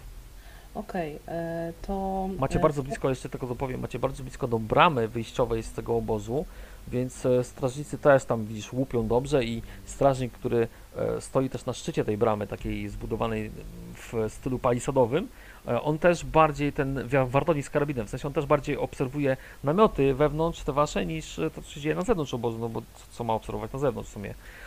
Więc, więc wy tam macie w miarę bezpiecznie i nie, nie przypominasz sobie, żeby przy tych namiotach ktokolwiek nawet chciał się kręcić. Chociaż wiesz, to zdarza się jakiś taki ktoś, kto tam z daleko dojdzie i jest, wiesz, e, ale wyganiany, raczej- przeganiany przez straż, nie? Okej, czyli raczej jakiś bur tutaj, czy takie dziwne rzeczy nie wszczynają. W takim nie. razie e, mój plan jest taki, że chciałabym. Myślałam na początku, żeby wprowadzić go do szpitala, e, udawać, że na przykład coś mu tam dolega i ja swo, mogę to jakby kredytować, przypuszczam, żeby ze mną tam szedł. Reszta, przypuśćmy, chce mi pomóc. Mhm. E, ale z drugiej strony więcej prywatności przypuszczam, bo w szpitalu na pewno są jakieś osoby. Mm, Zapewni mi zapewni mi namiot mistrza. Będę musiała tylko wytłumaczyć mu sytuację, więc e, wchodzę jakby pierwsza, prowadzę tam Czyli brata namiotu za- mistrza. Dobra. tak, no. Mm, To w sumie to informacja dla was to pierwszy raz jesteście tutaj mm, prowadzeni przez Sofię, więc w sumie nawet nie wiecie za bardzo, to, gdzie ona was chce wprowadzić. Widzicie jeden z kiedyś pewnie białych e, namiotów, ten akurat jest okrągły, e, lekko spiczasty, szczelnie zamknięty, mocno osadzony e, i ma nawet taki parawanik wyjściowy, widzicie, z, z zadoszeniem, podwójne jakieś takie, widzicie, poły tam wiszą. E, I kiedy tam ruszacie, widzicie, Sofii chyba dokładnie wie, gdzie wchodzi. E, Wchodzicie w pierwszą, jakby taką sień materiałową, czując już zapachy takie mm, alchemiczne, można byłoby ogólnie powiedzieć. I kiedy przechodzicie przez kolejną, e, wchodzicie na przód chyba jakiejś pracowni na szybko zbudowanej. E, Tam zapachy już się mieszają wszystkiego, od zgnilizny przez alchemię po nawet jakieś zapachy takich pachnideł. E, I widzicie, że jest to miejsce rozparcelowane w taki sposób, że jest podzielone parawanami, które sięgają prawie sufitu.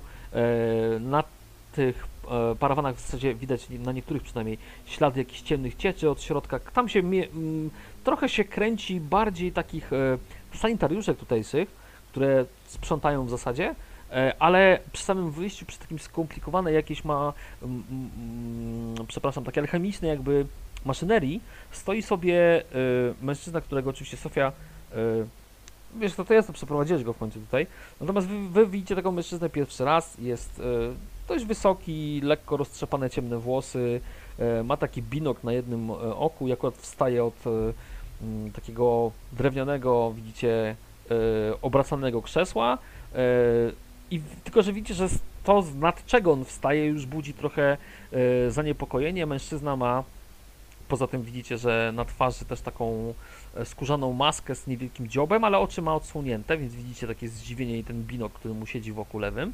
E, I on wstaje z nad stołu, który, na którym widzicie, że leżą ludzkie szczątki, głównie kończyny, ręce, nogi, mnóstwo jakiejś dziwnej aparatury tam jest, coś bumbluje, coś tam sobie psika, coś tam gdzieś tam sk- się skrapla, mnóstwo jakichś szkieł powiększających, e, porozrzucane jakieś pergaminy, widzicie też, e, inkausty, pióra, które są tam pomaczane. On ściąga w ogóle, widzicie, teraz takie rękawice skórzane, które są ufajdane w takiej ciemnej jakiejś cieczy, w której właśnie miział, bo widzicie, że chyba rozkroił jakiś organ na dużym takim metalowym stole.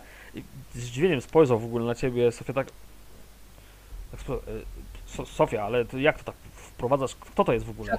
Już, sekundę mistrzu, wybacz. Wyjdźmy trochę do przedsionka tutaj, żeby tutaj próbki mogą być zanieczyszczone, tak wy- wypycha was na zewnątrz, nie? Tak, e, patrzę na Aleksandra. Mógłbyś, e, Aleks, zaczekać przed wejściem na Rydana, bo nie wiem, czy będzie wiedział, do którego miejsca się udać. Jasne, jasne. A I mistrzu, to, wychodzę. to jest mój brat Gabriel, również jest mistrzem sztuk magicznych. E, niestety tak się złożyło, że miejscowy element spod Mrocznej Gwiazdy zaszedł mu drogę. Zresztą widzisz po jego stanie. przyglądam mu się. On i tak was troszeczkę wypycha, wiecie. e, Tak, zaraz Tak, chwilę tak. porozmawiamy. Nadać, Wpycha, nie? wpycha was do tego takiego przedsionka, wie- wiecie. No, oczywiście idę tam, gdzie Tak, tak. A potem dopiero widzicie, ściąga sobie z twarzy, widzicie tą skórzaną maskę. No teraz dopiero, dopiero widzicie, że faktycznie jest mężczyzną w średnim wieku. E, ma taki niewielki jakiś zarost, taki szarawy miejscami, z oka wypada mu ten binok na takim, widzicie, łańcuszku. E, no teraz słucham. Czy, mistrzu gry, czy to jest ten gość, z którym się rozmawiała Skadi wcześniej? Nie, tego pierwszy raz widzisz, ty na razie nigdy nie byłeś. Ja mówię do niego Elwen Bradzie. Mistrzu to jest Gabriel, mój brat, mistrz również sztuk magicznych. Wszedł mu w drogę niestety miejscowy mroczny element. Patrzę na niego. Y, Więc wybacz, ale nie widziałam w tym powiedzmy obozie innego schronienia, do którego moglibyśmy się na chwilę udać, żeby spróbować zaplanować jak rozwiązać tą sytuację. Dodam tylko, że mój brat e, z pewnością przyda się w naszych badaniach. Patrzę Mhm. na niego. Jak ty tak sobie robisz wywód, to wy obserwujecie, że mężczyzna oczywiście słucha, ale poprawił sobie binokl, nachylił się nad tym dzieckiem, które trzymasz, zaczyna się mu przyglądać, macha głową, że cię słucha, nie? Widzisz, że potem tak wytarł rękę jeszcze taki, widzicie, e, bo ma taki kitel, powiedzmy, e, z grubego, białego materiału, ale przetarł dłoń, która jest czysta, przynajmniej tak wygląda. Złapał trochę to dziecko za włosy, obrócił głowę na dwie strony, mm, nacisnął tak z boku na policzki, dziecko otworzyło usta, żeby zaglądać. Potem dopiero się tak oderwał, jak skończyłaś mówić. Puśćcie to dziecko.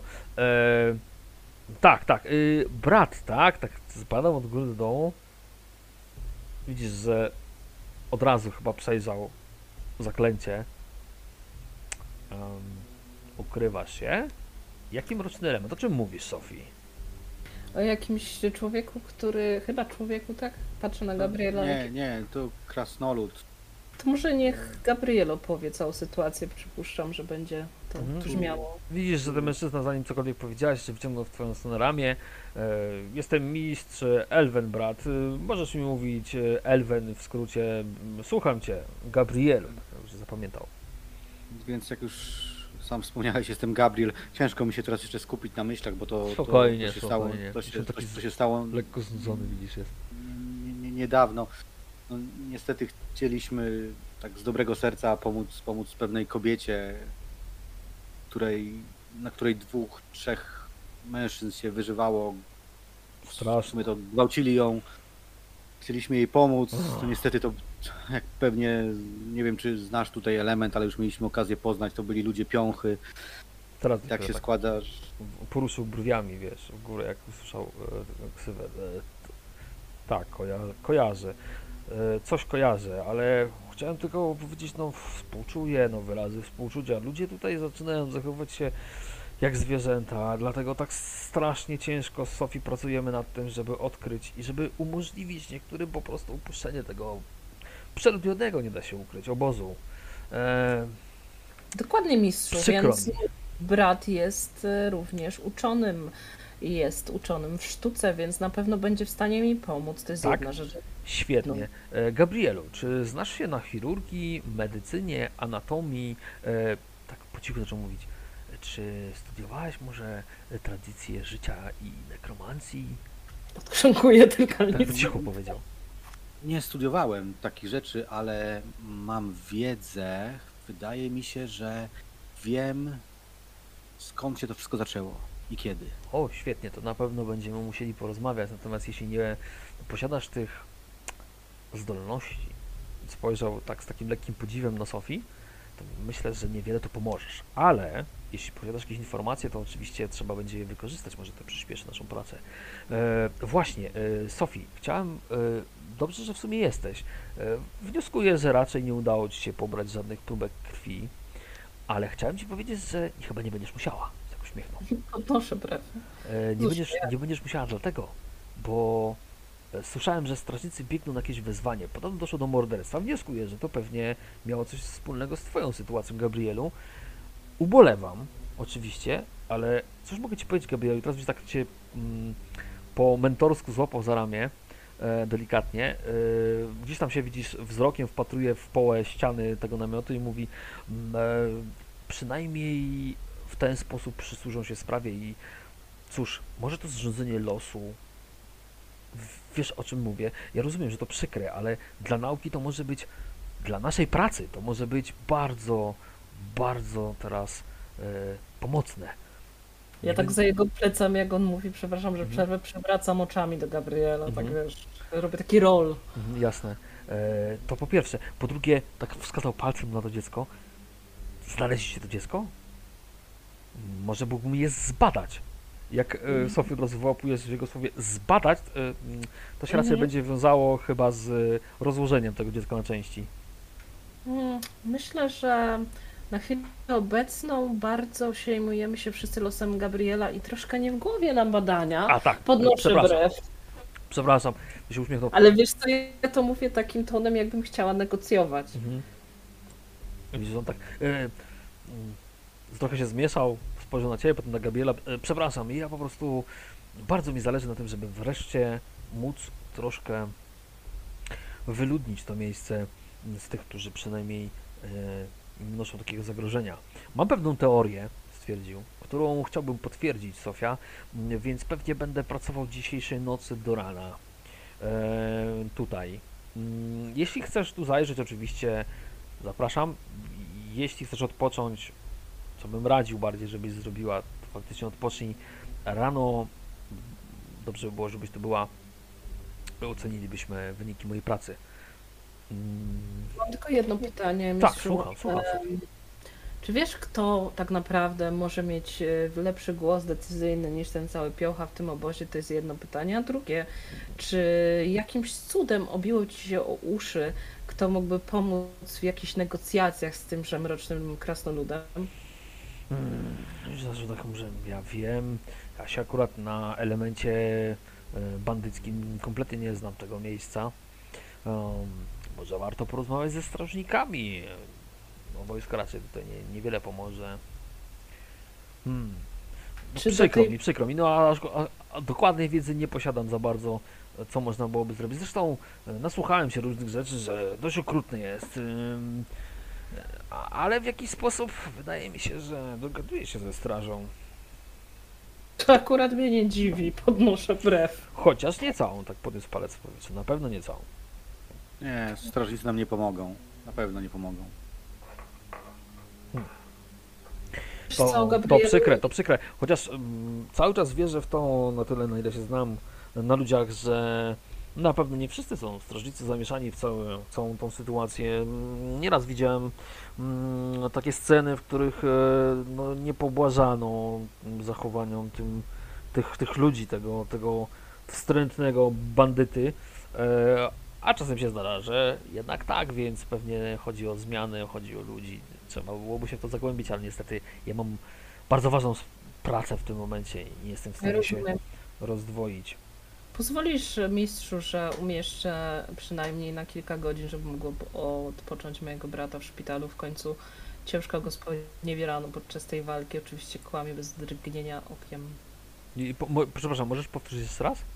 Mówię, pytam się go, No. czy, będzie, czy będę mogła na chwilę położyć brata chociaż na kilka godzin, żeby odpoczął w szpitalu, e, bo ciężko go sponiewierano i oczywiście nie jest to do końca prawda, ale Mhm, Nie, ale wiesz, Weston tak się po, po, postukał w podbródek. Tak, y, Sofia. Medycy tutaj wiedzą, że ze mną pracujesz.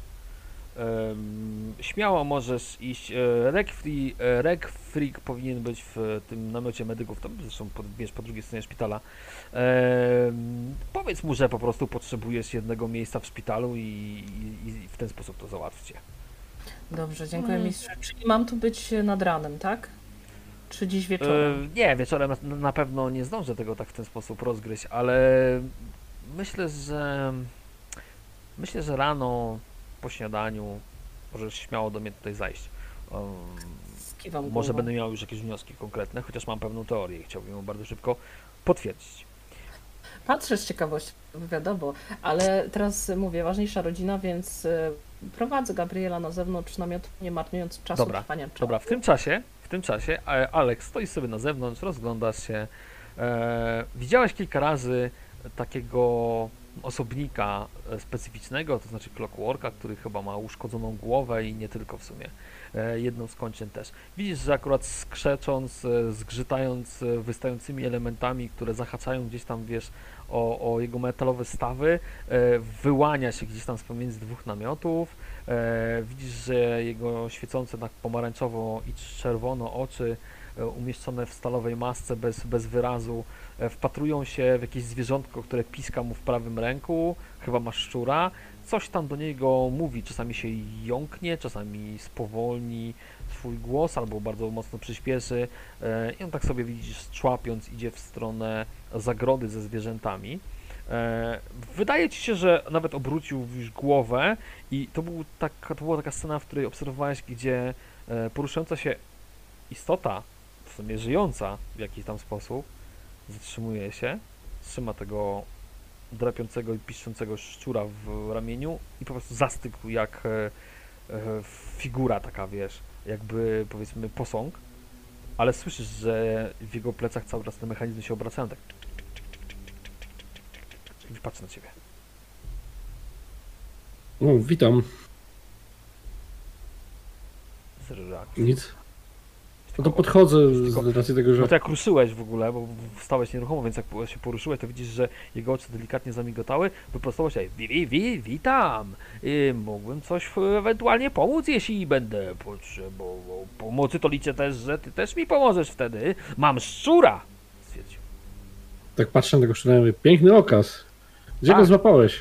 O nie, ja go złapałem, złapał go kompletnie ktoś inny, ale niestety nie mogę mu już więcej podziękować, bo chyba wydaje mi się, że już go nie zobaczę więcej. O, to smutne. Prawda? Smutne. A do czego ci ten szczur? Za zawsze miałem coś takiego i chciałem bardzo znowu mieć parę szczurów, ale w tym miejscu ciężko złapać i dlatego potrzebowałem pomocy. Aha. I to wszystko? Może jeszcze jakiejś pomocy potrzebujesz? Jesteś bardzo miłym człowiekiem.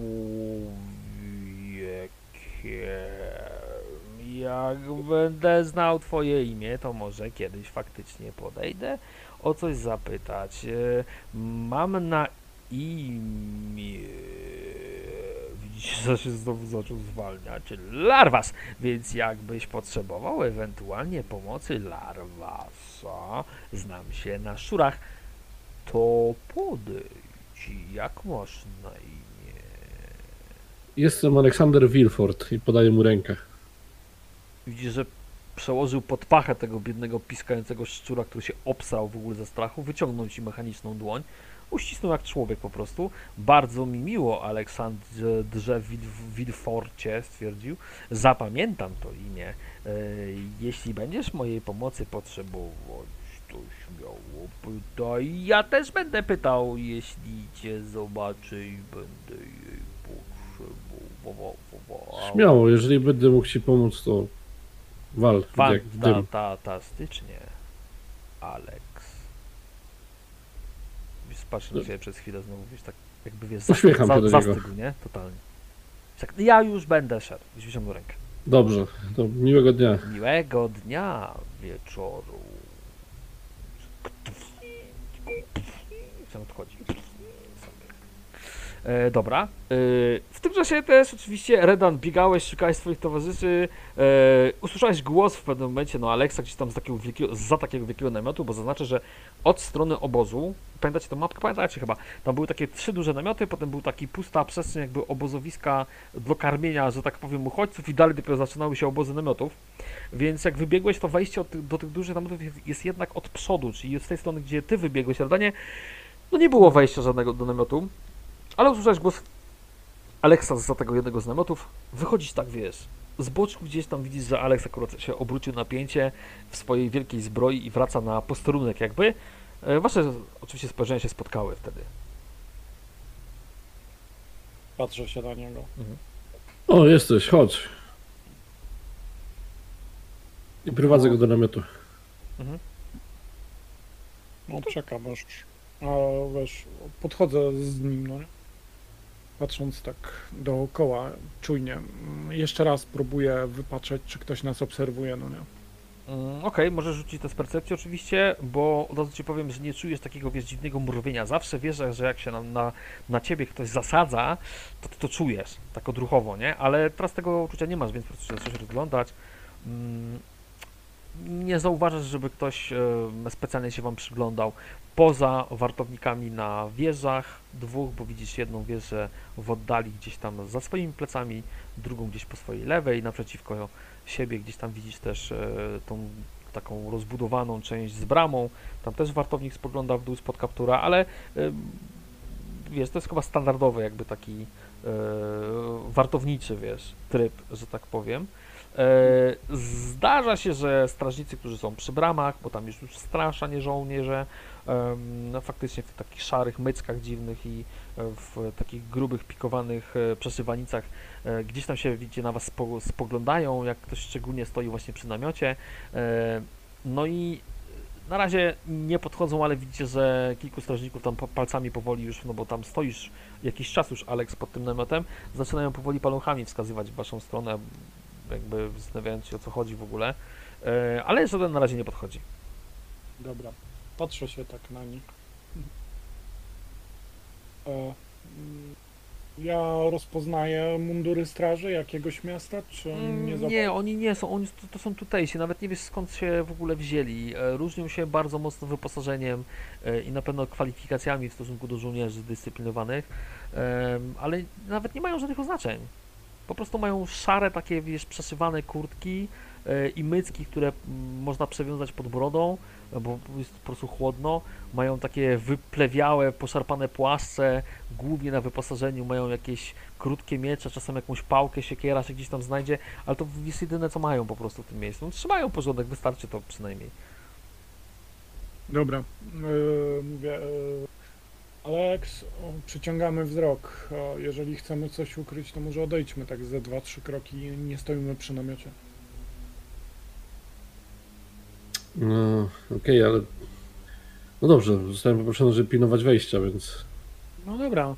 To możemy e, inaczej. Ja Zmieniam nasze położenie mistrzu gry, tak żebyśmy nie przyciągali aż tak wzroku. Rozumiesz? Ale- Rozumiem, odchodzisz trochę po prostu od wejścia do samego namiotu, gdzieś dokładnie na południową część obozu, e, tam gdzie zaczynają się jakieś tam e, zagrody ze zwierzętami mniej więcej. E, To oczywiście mniej przykuwa już uwagę, ale tak czy jak jesteście obserwowani, to czujecie.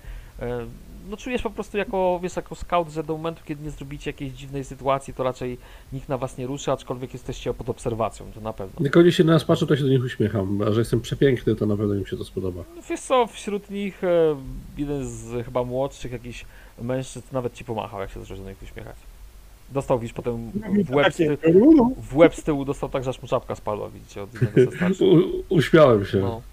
Yy, I to w sobie tyle, więc nic się nie dzieje. Ale wiecie, u was też mijał ten czas, tam coś robiliście, więc w tym czasie widzicie, że z namiotu powoli wychodzi e, Sofia razem z jeszcze zmienionym magicznie Gabrielem. e, Podchodzę gdzieś, do nich. Gdzieś tam majaczy w wejściu, tylko ten mężczyzna wcześniej przeze mnie opisywany, który ich odprowadził. Słuchajcie, mamy chwilkę do porozmawiania, musimy się wymienić informacjami, ale zanim to nastąpi, chodźmy szybko do szpitala. Wytłumaczę wszystko na miejscu. Okej, chodźmy. Chodźmy, chodźmy, chodźmy, chodźmy szybciej. Dobra. Idziemy do e, szpitala. Ja Jasne. patrzę tak. e, Chcesz go położyć do szpitala? Ja, ja, ja tylko z- jak dodam, że jak idziemy, to ja zostawiam Gabriela swoim ciałem, tak żeby nikt go nie widział. No spoko, chociaż mówię, on teraz i tak inaczej, inaczej wygląda kompletnie przecież. A tak na pewności. Dobra. Bo chcesz go położyć do szpitala? Co, to może złammy mu ze dwa palce albo trzy. Redan, przestań być takim brutalem. Uśmiecham się do niego. Mhm. E, Kierujecie się do szpitala, czy do tego namiotu medyków? E, Wiesz co, wydaje mi się, że do szpitala, o, jak tam zaglądnę, o ile jest tam jakieś łóżko takie na uboczu, na którym Gabriel mógłby chwilę odpocząć. Bo co jak co, jako mag doskonale wiem, ile odpoczynek daje dla roztrząsionego Mhm. mistrza E, Ty, magicznego. W związku z tym, że ty tam, wiesz, wizytujesz czasami w szpitalu, oczywiście może nie jakoś mega często, ale orientujesz się, że w ogóle do szpitala, żeby wejść, to orientujesz się, że, że mm, na przykład ci pacjenci tam są w jakiś sposób segregowani, ci, którzy ich przejmują, nawet sanitariuszki mają specjalne maski, takie prochowce czarne, więc e, to możesz oczywiście tam wparować sobie tak na ura, ale, ale to od ciebie zależy, nie? Jest triaż, okej, dobra. To, a czy na lecie medyków są jakieś leżanki? E, widziałaś dwa stoły tam, e, to na pewno.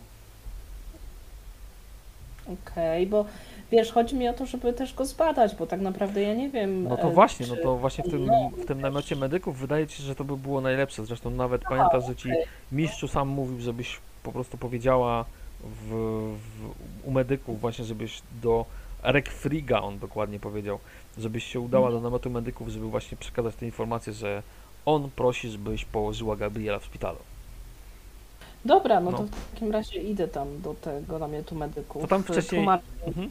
Tam wcześniej, pamiętasz, Gabriel, już byłeś raz e, pod tym namiotem. E, w trakcie tego, jak wy tam podróżujecie, sobie idziecie spokojnie w stronę namiotu kolejnego takiego białego, okrągłego, mijając duży, prostokątny, biały namiot, e, który jest ewidentnie szpitalem. Widzicie, że e, w stronę właśnie m, tego namiotu medyków podchodzi grupa strażników niosąca jakieś ciała na e, noszach. Wchodzą do środka po prostu. Pytam Gabriela, to są twoi przyjaciele? Y, Nie widziałem z tej odległości, wiesz, ale chętnie bym też to zobaczył. Jesteś w stanie jest. to znieść? Pytam cicho. Ym, Jeżeli to będą tylko ci, o których wiem, że nie żyją, to, to chyba tak. Słuchaj, jeżeli to będzie za dużo, to. Słyszycie, słyszycie jak się, jak się odzywa e, Redan. Tam były Trzy- trzy trupy. A coś e, jeszcze widziałeś na miejscu? Jeżeli mamy O. czas porozmawiać o tym. Zostali, zostali ograbieni. No tak, to się można było... Głowy, głowy profilaktycznie zostały obcięte. Mówili też coś o lalce, która leżała w środku. Powrócona. Lalce? Nic Tak. tym nie wiem. Lalce. Tak to określili. Lat, lalce, kukle. Kukła.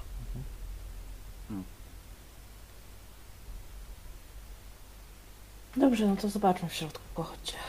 Idę, Mhm. prowadząc. Dobrze. Mm, czyli zmierzacie w stronę medyków dalej. Tak, Tak. tak. Dobra. E, no to w, za wami oczywiście ca, cała scena z wnoszonymi ciałami do wnętrza e, pracowni magicznej. On, oni oczywiście tam zniknęli w środku. E, no i podchodzicie pod wejście do kolejnego namiotu. Mm, podobnie skonstruowany jest, jeśli chodzi o wejście, czyli ma też taki jakby delikatny przedsionek. Jak tam stajecie, to w środku słychać rozmowę. E, zanim przejdziecie przez kolejną oczywiście połę, słuchać już dość e, wyraźną rozmowę. Rozpoznajecie, znaczy nie rozpoznajecie, raczej roz, rozróżniacie męski głos od dziewczęcego e, i słyszycie no mniej więcej taki, tak, taką rozmowę. E, jakiś starszy jegomość e, mówi teraz do jakiejś takiej śmiejącej się dziewczyny. E, widzicie tak, no jestem bardzo zadowolony z twoich postępów, Marcela. Jest takie klapnięcie i słyszycie no, śmiech po prostu jakiejś młodej dziewczyny. E, oj, oj, e, panie Embaum, nie spodziewałam się czegoś takiego. Słuchać chichot. E, słuchać takie dźwięki cały czas. E, potem słuchać jakieś brzęczenie, jakby coś spadło. E, dziwne cmokania. No to raczej nie są dziwne cmokania, myślę No sobie. dobra, usuwam słowo dziwne. Cmokania słychać. Odchrząkuję głośno wchodząc, A, podnosząc A głos. dajesz parę sekund na... czy po prostu od razu wchodzisz? Tak, nie, nie, oczywiście, że nie daję paru sekund, ponieważ jestem czasem bardzo, bardzo dużą hadrą. Jasne, więc jak odchrząknąłeś i wpadasz, no to widzisz w panice e, po, poprawiające swoje e, ubrania dwie osoby. Jest to przygarbiony starzec, siwy, który poprawia teraz swoje e, okulary i trzęsącymi rękami stara się zapiąć pod szyją, widzicie takie drewniane guziki od swojego kitla. Natomiast e, swoją spódnicę e, poprawia jakaś młoda, dość ponętna dziewczyna o czarnych, kruczych włosach, wycierając e, ślinę z ust. Widzicie, że zastaliście ich naprawdę w sytuacji jednoznacznej. E, dziewczę widzicie, że spesone pochyla tylko głowę, tylko spojrzało przez chwilę na tego starca, e, pochyliło głowę, widzicie, zabrała z ziemi swoją pelerynę i po prostu przebiega pomiędzy wami na zewnątrz. I tak mówię, ej, pomyliliśmy namioty, to miał być szpital, a nie burdel. Ty tak powiedziałeś tak, ale widzicie, że odkrząknął ten starszy mężczyzna, pomarszczony starzec z okularami, które teraz już ma na nosie poprawione. Teraz sobie widzicie, e, przylizuje trochę siwe włosy, ogolony oczywiście, czy taki specyficzny też zapach od niego. Tą pracownię medyczną już wcześniej widzieliście, więc nie będę ją zbytnio jej opisywał. Widzicie, tam po prostu wygląda jak taki, takie miejsce, gdzie można faktycznie pobadać pacjentów, ale jest też kilka e, takich odciętych jakby parawanów. E, tak odchrząknął, e, spojrzał na ciebie, Sofii. Ty go kojarzysz, ty go kojarzysz, No. ale, ale rzadko go tu widać. Ja mówię, ja staram się mu ocalić resztki męskiej dumy, bo mężczyźni są jak bańki szedł ze szkła, tylko Mhm. bez ośmiorniczki. Więc po prostu skłaniam mu się. E, Mhm. Wybacz, udaję zażenowanie. E, szanowny doktorze, e, mamy tutaj kilka rzeczy ze zlecenia mistrza Elwen Brada do sprawdzenia. Nie chcieliśmy przeszkadzać, uśmiecham się do niego. Już tak stara się ukryć wiesz, zażenowanie, słabo mu to idzie, ale wreszcie się uśmiecha do ciebie. E, ro- rozumiem, rozumiem. E, Panno Sofii, e, mm, tak spojrzę na resztę. Jestem doktor Embaum i chirurg tutejszy. Już nie będę jakby dalej się przedstawiał. Wie panienka, może byłoby to lepiej. mm, To co by pani chciała tutaj przeprowadzić? Tak się skrzywił. Ja tak E, e, ignoruję to, co on mówi, podchodzę do niego i Mhm. nazywał się Aleksander Wilford i podaję mu rękę. O, uśmiechnął się od razu, wiesz, podał ci oczywiście ramię. Tak przybliżam się teraz do niego, tak żeby słyszał tylko mój szept, ja mówię, niezła. I się oddalam. Widzisz, że on septem, prawda? Powiedział ci. E, w- widzisz, wyprostował się znowu. E, wracając, e, bo rozumiem, że każdy tutaj mm, e, ma cenny swój czas, ceni swój czas. Nie ma mojego ucznia e, Rekfriga. E, Jest teraz w szpitalu. E, Przepraszam, bo jestem bardzo rozkojarzony, stwierdził. Czy panienka Sofii może powiedzieć dokładnie jeszcze raz, co by chciała od, od, ode mnie w tym momencie? Ja od mistrza nic, tylko chciałam po prostu skorzystać z jednego stołu i parawanu.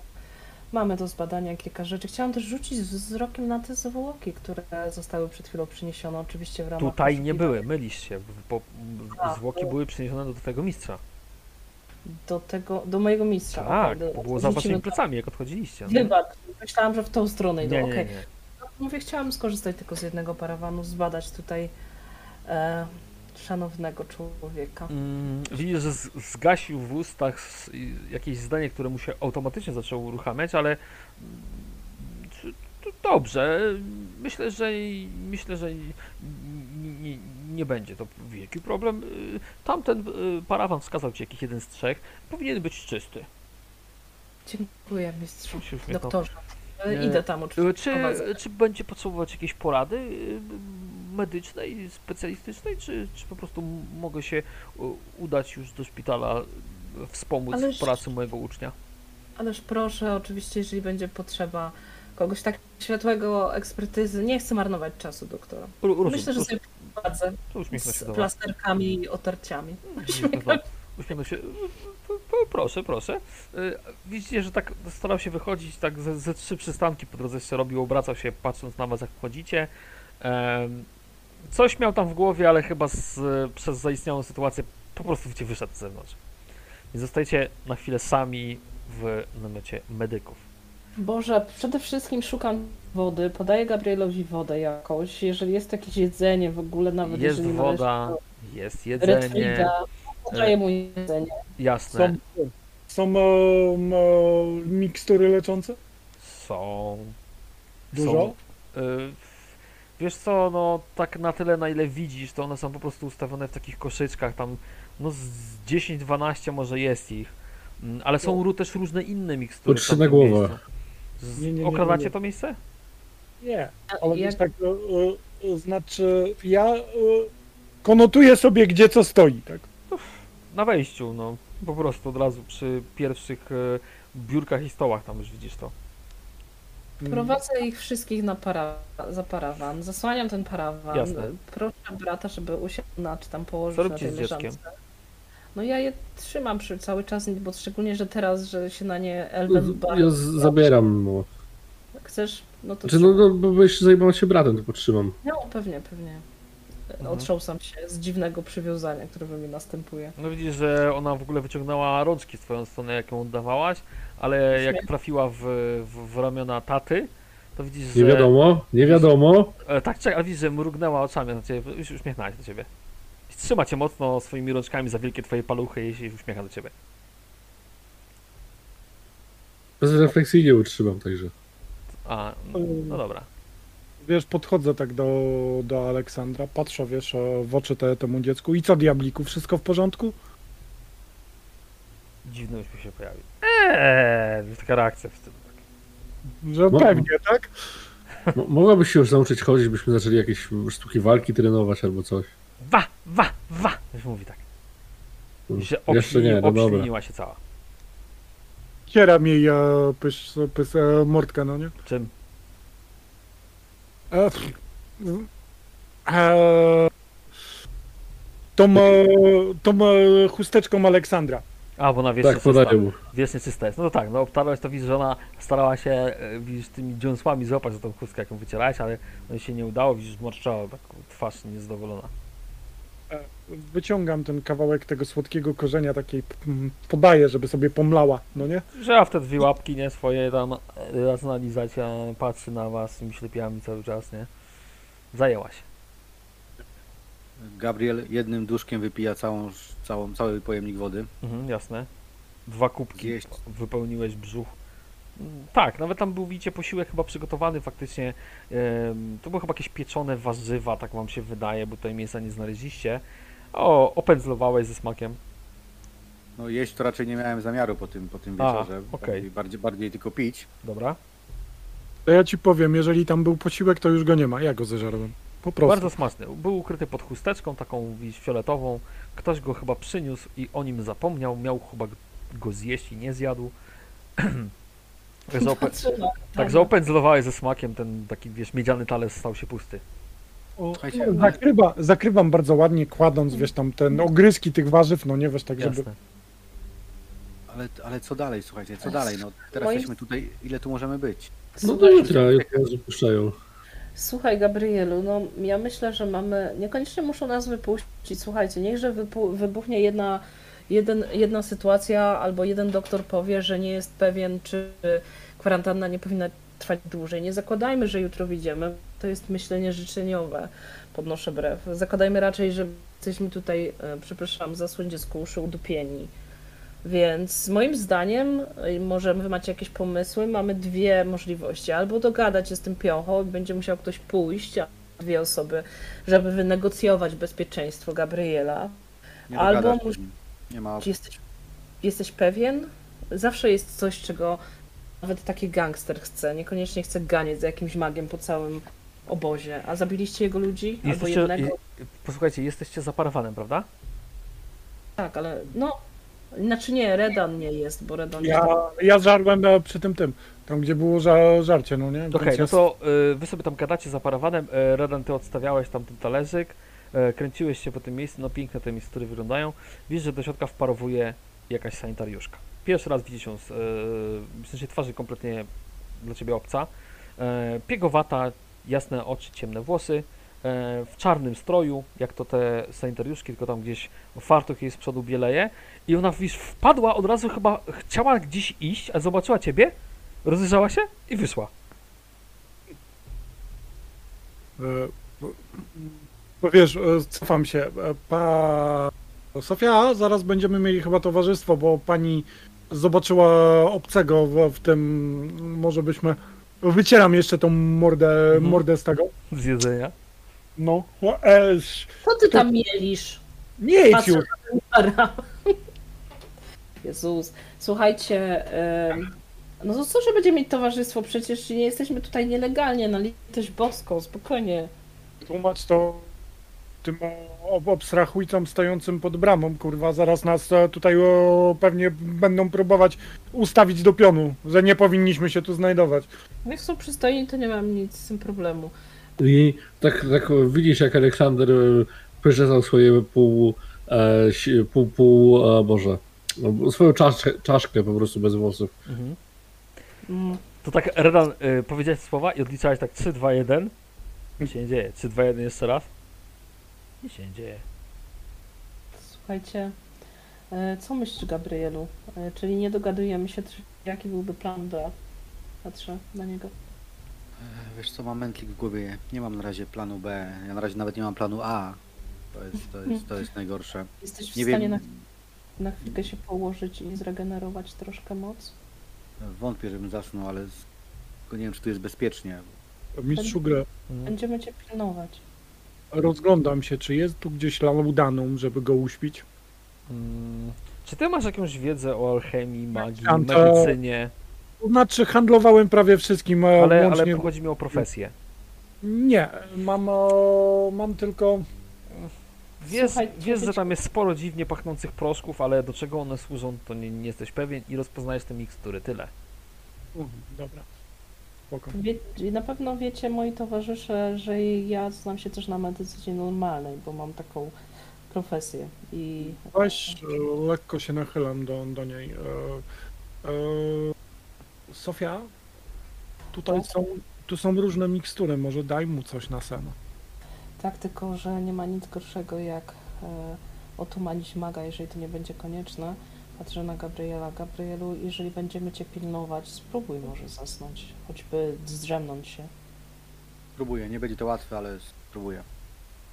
Wolisz, e, wolisz alkohol? Pokazuje taki bukłak w ręku. Dwa łyki na pewno nie zaszkodzą. Słyszycie nieukrywane kroki pojedyncze osoby, które powoli zmierzają w stronę namiotu. Może to Red Freak. Kładę No. się E, na kozetkę. Więc ja odkładam e, to, to, to dziecko gdzieś tak w bezpieczne miejsce. Nie wiem, czy tam jest jakieś na przykład łóżko Yy, Wiesz co, znalazłeś coś, co wygląda chyba jak waga i tam się centralnie całe to dziecko mieści. O, Ona no i po prostu dobra. się przechyliła oczywiście w jedną stronę i wiesz, eee, myśli, ja sobie coś kwili i liże ten korzeń cały czas. Leży sobie tam na tej I wadze. przykrywam ją kocykiem. O, że nam wypluła jakąś sinę, patrzy na ciebie z tymi wielkimi okrągłymi ślepkami. Leż i się nie ruszaj, bo wpierdam. Eee!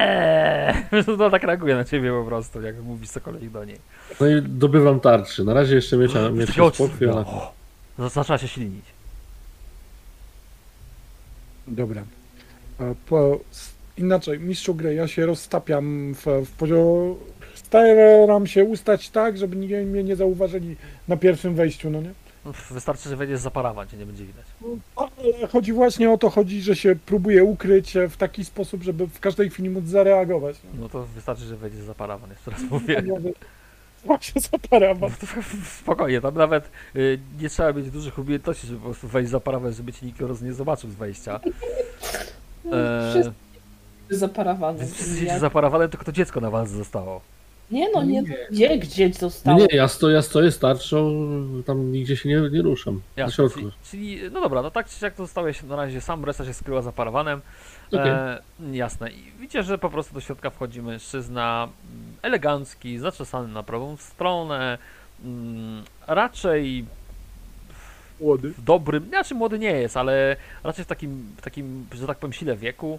E, zmartwioną miał twarz, a pod jedną pachą widzieliście, że miał taki ten, mm, taką pelerynę czarną i zszytą maskę z kapeluszem, którą trzyma w drugim ręku. Na czymś myślał, wszedł do środka, tak się rozejrzał, spojrzał na ciebie, spojrzał to dziecko tej wadze, ona eee, znowu do niego. Co tak, przepraszam pana, tak spojrzał. Pan E, jest witam. z wojska? Coś się stało? E, tak, jestem e, porucznik Aleksander Wilford, ale nie, nie służę aktualnie w wojsku. Tak oczy zrobił. E, wojsko czegoś oczekuje? Co to dziecko? Nie, nie, nie. E, Jestem, jestem tutaj, e, w, pomagam e, asystentce e, waszego, e, nie wiem jak to nazwać, magika, który bada sprawę. Elven Ale- Brada, no to teraz już rozumiem. Tak, tak, tak. Czy ona gdzieś tutaj jest? Prze- przepraszam za moje maniery, jestem doktor Rek, Rekfrig, zajmuję się szpitalem. Bardzo miło. E, m, mnie także, wiesz, tak jakby wy, wymienił szybko z tobą e, uścisk dłoni. Tak, tylko krzyczę, Sofia, Sofia, chodź. Doktorze, wy, tak wiesz, wychodzę za parawan. Oczy zrobił duże. W ogóle jak zobaczył tego e, jeszcze Redana, to jeszcze większe zrobił. Jeszcze potem zobaczył jakiegoś randoma siedzącego na kozetce, więc to jeszcze w ogóle wielkie oczy zrobił. Zdziwił się mocno, ale, ale jakoś nie przestraszył się, po prostu się zdziwił. Podchodzę do niego. Zaszczyt poznać. e, Sofia. Badam tutaj jednego z członków obozu. Nie. Mm, Tak, bardzo miło, Rekwik. E, co mu jest? Jeszcze nie zdążyłam go zbadać. A d- Ale- dlaczego czarodziejka od y, Elven Brada przebywa w moim namiocie? Właściwie skierował mnie do ciebie, ponieważ mistrz założył, że taki człowiek jak pan będzie w stanie mi pomóc. Minęliśmy się też z mistrzem Enbaumem, więc wie o naszej obecności tutaj. Patrzę na niego. Tak zmarszczył drzwi. Naprawdę? Nic mi nie Mhm. wspomniał, byli, był przed chwilą w Ach, szpitalu bardzo się ze mną. spieszy. Starszy człowiek. Mm, śpieszył się, jest. aha. Mm, Tak E- szybko wybiegł panie, że Odszałkuję nawet, za nim. E, chusteczkę położył z powrotem na zjedzonym talerzu. Jezus Maria, przepraszam, to nagrał. Powiedział, w porządku, rozumiem. Tak. y, właśnie, y, może w takim razie, sko... ja oczywiście bardzo chętnie pomogę pani Sofii, w, czym tam pani będzie sobie chciała. Trzeba jak najszybciej oczywiście pozbyć się palących nas, pro- nas problemów. Ale miałbym pytanie, bo rozumiem, że czarodziejka mistrza y, Elvenbrada raczej zna się na leczeniu, prawda? Takim Oczywiście. magicznym leczeniu się uśmiechnął. Na magicznym i niemagicznym, drogi. Fantastycznie. Oj, o, tak rzeczywiście zaczął się interesować. To bardzo ciekawe. Uśmiechnął się do ciebie e, szczero bladymi, błyszczącymi zębami. Mm, Pani Czero Sofii, blady. Ciekawe. tak, szczero, szczero, szczero blady uśmiech. E, aktorski taki, nie? E, uśmiechnął się do, ciebie. Mm, Pani Sofii, bo nie ukrywam, że mm, pokładałem pewne nadzieje w osobie, która się udała do obozu uchodźców tam wśród namioty. E, Nawet posłałem kilku strażników, żeby, bo już wieczór się zbliża, miała się pojawić. Się nie pojawiła niestety, Mm, ale pani mi po prostu no, spada jak, już się uśmiechnął, jak jakiś Kula anioł z nieba. ognia z nieba, się. Tak, się tak, tak, dokładnie. Więc możemy sobie po prostu pomóc nawzajem, się. E, Ja czego pani ode mnie oczekuje? Proszę mi powiedzieć. Tak biorę go delikatnie tak nad e, łokciem, tak żeby odejść z niej troszeczkę na stronę. Chodzi, co Mówię do ciebie, tak ci prosto w oczy. Mówię, mówię tak niby cicho, ale tak, żeby przynajmniej jeden z moich towarzyszy słyszał, nie? Ale Mhm. niby, że mówię dyskretnie. Powiedzmy, że byłabym bardzo kontenta, jeżeli moglibyśmy sobie pomóc, bo przecież z połączenia wielkich umysłów rodzą się wielkie rzeczy. Natomiast Widzisz, nie wiesz dlaczego spojrzę na ciebie, potem na to dziecko i potem na ciebie. A dziecko jest wyjątkowe, więc na tym może zakończmy. Jest to nasz magiczny eksperyment. Patrzę na niego, mrukając oczami. Uśmiechnął się. Rozumiem. Tak naprawdę to nie rozumiem, ale, ale przejdźmy do rzeczy. Przejdźmy do rzeczy. Chodzi o to, że e, z chęcią pomogę we wszystkim, e, czego doktor. e, Może wymieńmy się po prostu wiedzą, czego doktor się dowiedział. O, może tak, czym by potrzebował pomocy, szczególnie magicznej. A, To jest jedna rzecz, ale Mm. oczywiście mam też jedną prośbę, taką malusieńką. No, no dobrze, no dobrze. No. Mam pewien problem, którego sobie, mm, z którym sobie nie, nie jestem w stanie poradzić i pokładałem duże nadzieje w pewnej osobie, która dysponowała zdolnościami leczenia magicznymi. E, No, jak pani wie, ciężko mi jest do, do, doczekać się na jakąkolwiek pomoc ze strony mistrza Elvenbrada, Mm, więc jak panienka już tutaj jest, to dlatego tak wpadłem na pomysł, że może ten problem zostanie rozwiązany przez panią. E, dotyczy to jednego z moich małych pacjentów, którzy, który zachorował na coś, nie wiem, coś mu doskwiera, nie mam pojęcia co. Nie jestem w stanie zbić jego gorączki. Mm, e, Zbadałem go na wszystkie sposoby. Być może jest na coś chory, coś czego nie rozumiem, ale podałem większość znanych mi jakby środków, które powinny zadziałać, nie zadziałały. E, boję się po prostu kolejnego zgonu w szpitalu i z jednej strony chciałbym się tym zająć e, z powodów e, typowo oczywiście polegających na ratowaniu życia. Z drugiej strony jestem bardzo ciekaw, co może mu dolegać, bo no, nie ukrywam, że się zaczynam martwić. Jeszcze czego nam brakuje w tych okolicznościach, mm, sama panienka może stwierdzić, to epidemia jakiejś choroby. To już Nie, wtedy. Y, Panie doktorze, pan wybaczy, to, że tak się ośmiela, Proszę. ale u nas w wojsku, jak e, braliśmy poborowych i coś im dolegało, to nasz lekarz zawsze robił lewatywę. Próbował pan może? się śmiechnął. Wie pan, wie pan, y, tak, w pewnych, e, przy pewnych objawach może to pomóc. Uśmiechnął się. Mm, W tym e, wydaje mi się, że e, nie pomoże. Zresztą A, to przepraszam. Nie, no nie, nie ma za co. No, to tak jak mówię, no, w niektórych e, sytuacjach może to pomóc oczywiście. E, ale tak wracając do, do tego tematu, to no, potrzebowałbym diagnozy tych sfer magicznych, stwierdził. E, być może rozeznania się, cóż może dolegać tej osobie. E, no i oczywiście im więcej mm, zdolności magicznych i osób, które się tym zajmą, tym pewnie szybciej się uda rozwiązać problem. E, najważniejsze jest, żeby wykluczyć, że to nie jest żadna epidemia. Oczywiście. No ale teraz dochodzimy do sedna sprawy. E, Człowiek, którego badamy, e, jest magiem, mistrzem magii, tak jak ja. Natomiast niestety m, z jakiegoś powodu, e, powiedzmy, nasze drogi skrzyżowały się w negatywny sposób z krasnoludem o imieniu Piocha. Hmm, zmarszczył brwi. I teraz nie bardzo wiemy, a z chęcią wynegocjowałabym z tym człowiekiem jakiś rodzaj pokoju, bo przypuszczam, przepraszam krasnoludem, otrząkuję, bo przypuszczam, że nie jest e, po prostu rzeźmieszkiem, który czegoś nie potrzebuje, ale za bardzo nie wiemy, do kogo się zwrócić, może doktor wie. Wiesz, westchnął. E, Coraz częściej o nim słyszę. Słyszę też o jego mm, dokonaniach, jeśli można tak to w ogóle określić. E, no, chciałbym pomóc, naprawdę. Chciałbym powiedzieć, do kogo można byłoby się udać. Jeśli chodzi o samo poszukiwanie mm, rzeczonego piąchy, to, to nie będzie trudne. Ale jak się z nim ułożyć, jeśli w ogóle się da. Nie wiem. A ma, a ma z le- lekarzami jakieś układy? Jego ludzie na pewno potrzebują leczenia. Mm, Już tak patrzę ci w oczy, nad czym się zastanawia. E, widzisz, że coś chciał chyba powiedzieć, a na razie się wstrzymuje. E, syknął przez zęby. Rzuć sobie teścik woli.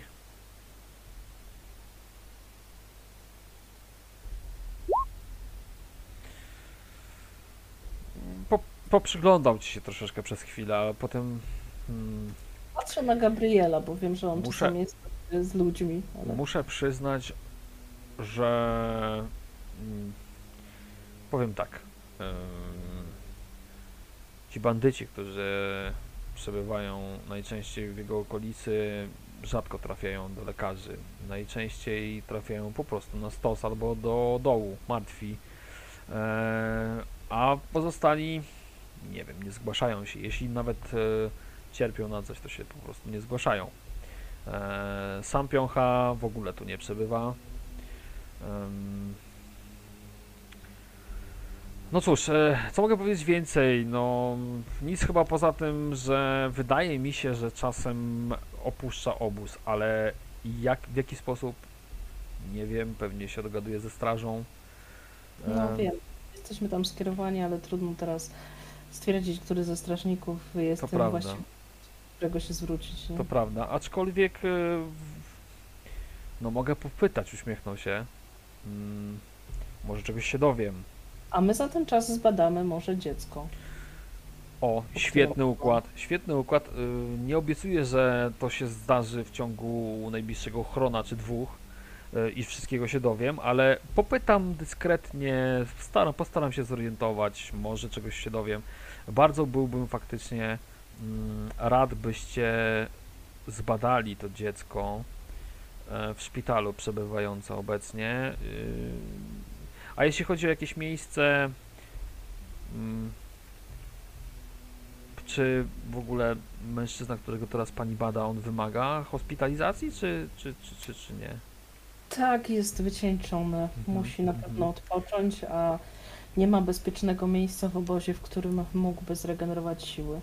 Mhm, rozumiem. E, No dobrze, no znajdziemy jakieś e, miejsce w takim razie w szpitalu. E, Cóż, może w takim razie od razu się do szpitala udajmy. Myślę, że to dobry pomysł. Mm, Patrzę na ty- resztę. Nie? Tylko prośbę mam dużą, bo tam są dość duże w- wymagania co do, co do ubioru.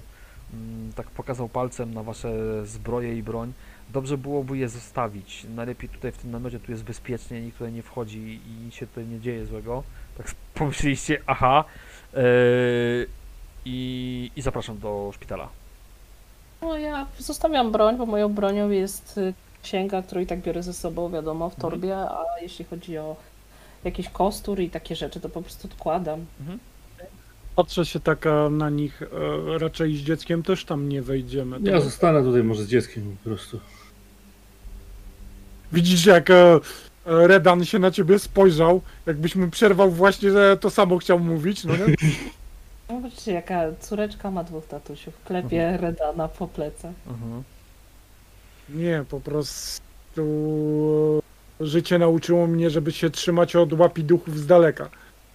Lekko się uśmiecham, no nie, do niej. No, wiesz, to jest uśmiechnął do ciebie, no. To patrzę, Nie, a ja to powiedziałem. No tak on się uśmiechnął do ciebie po prostu. Ja patrzę takim wzrokiem, tak, tak, przypuszczam, że y, wspólną y, kobietę poznali po prostu, ale nic nie mówię oczywiście. Patrzę na brata, będziesz w stanie, Gabrielu, przejść do szpitala, tam znajdziemy jakieś łóżko i musimy, słyszałeś zresztą, musimy rzucić okiem na jedno nieszczęsne dziecko. Tak, tak, wezmę tylko kija, żeby się podeprzeć, bo mnie noga boli i będę w stanie iść. Pewnie. Idziemy. No dobra, to ja, ja podaję to, znaczy zostawiam to, po, to dziecko Red, Redanowi, w takim razie jak on chce. No i zdejmuję tutaj tą zbroję, i, e, tarczę, miecz i zakładam swoje szlacheckie ubranie. Znaczy w ogóle jak się zaczynasz przebierać, e, tylko zdjąłeś ten, to wyposażenie, to w tym czasie widzicie Rekfrik e, zaczyna tam grzebać w, w jakichś kufrach przy jednym ze stołów i wyciąga takie, widzicie, czarne peleryny, maski i kapelusze.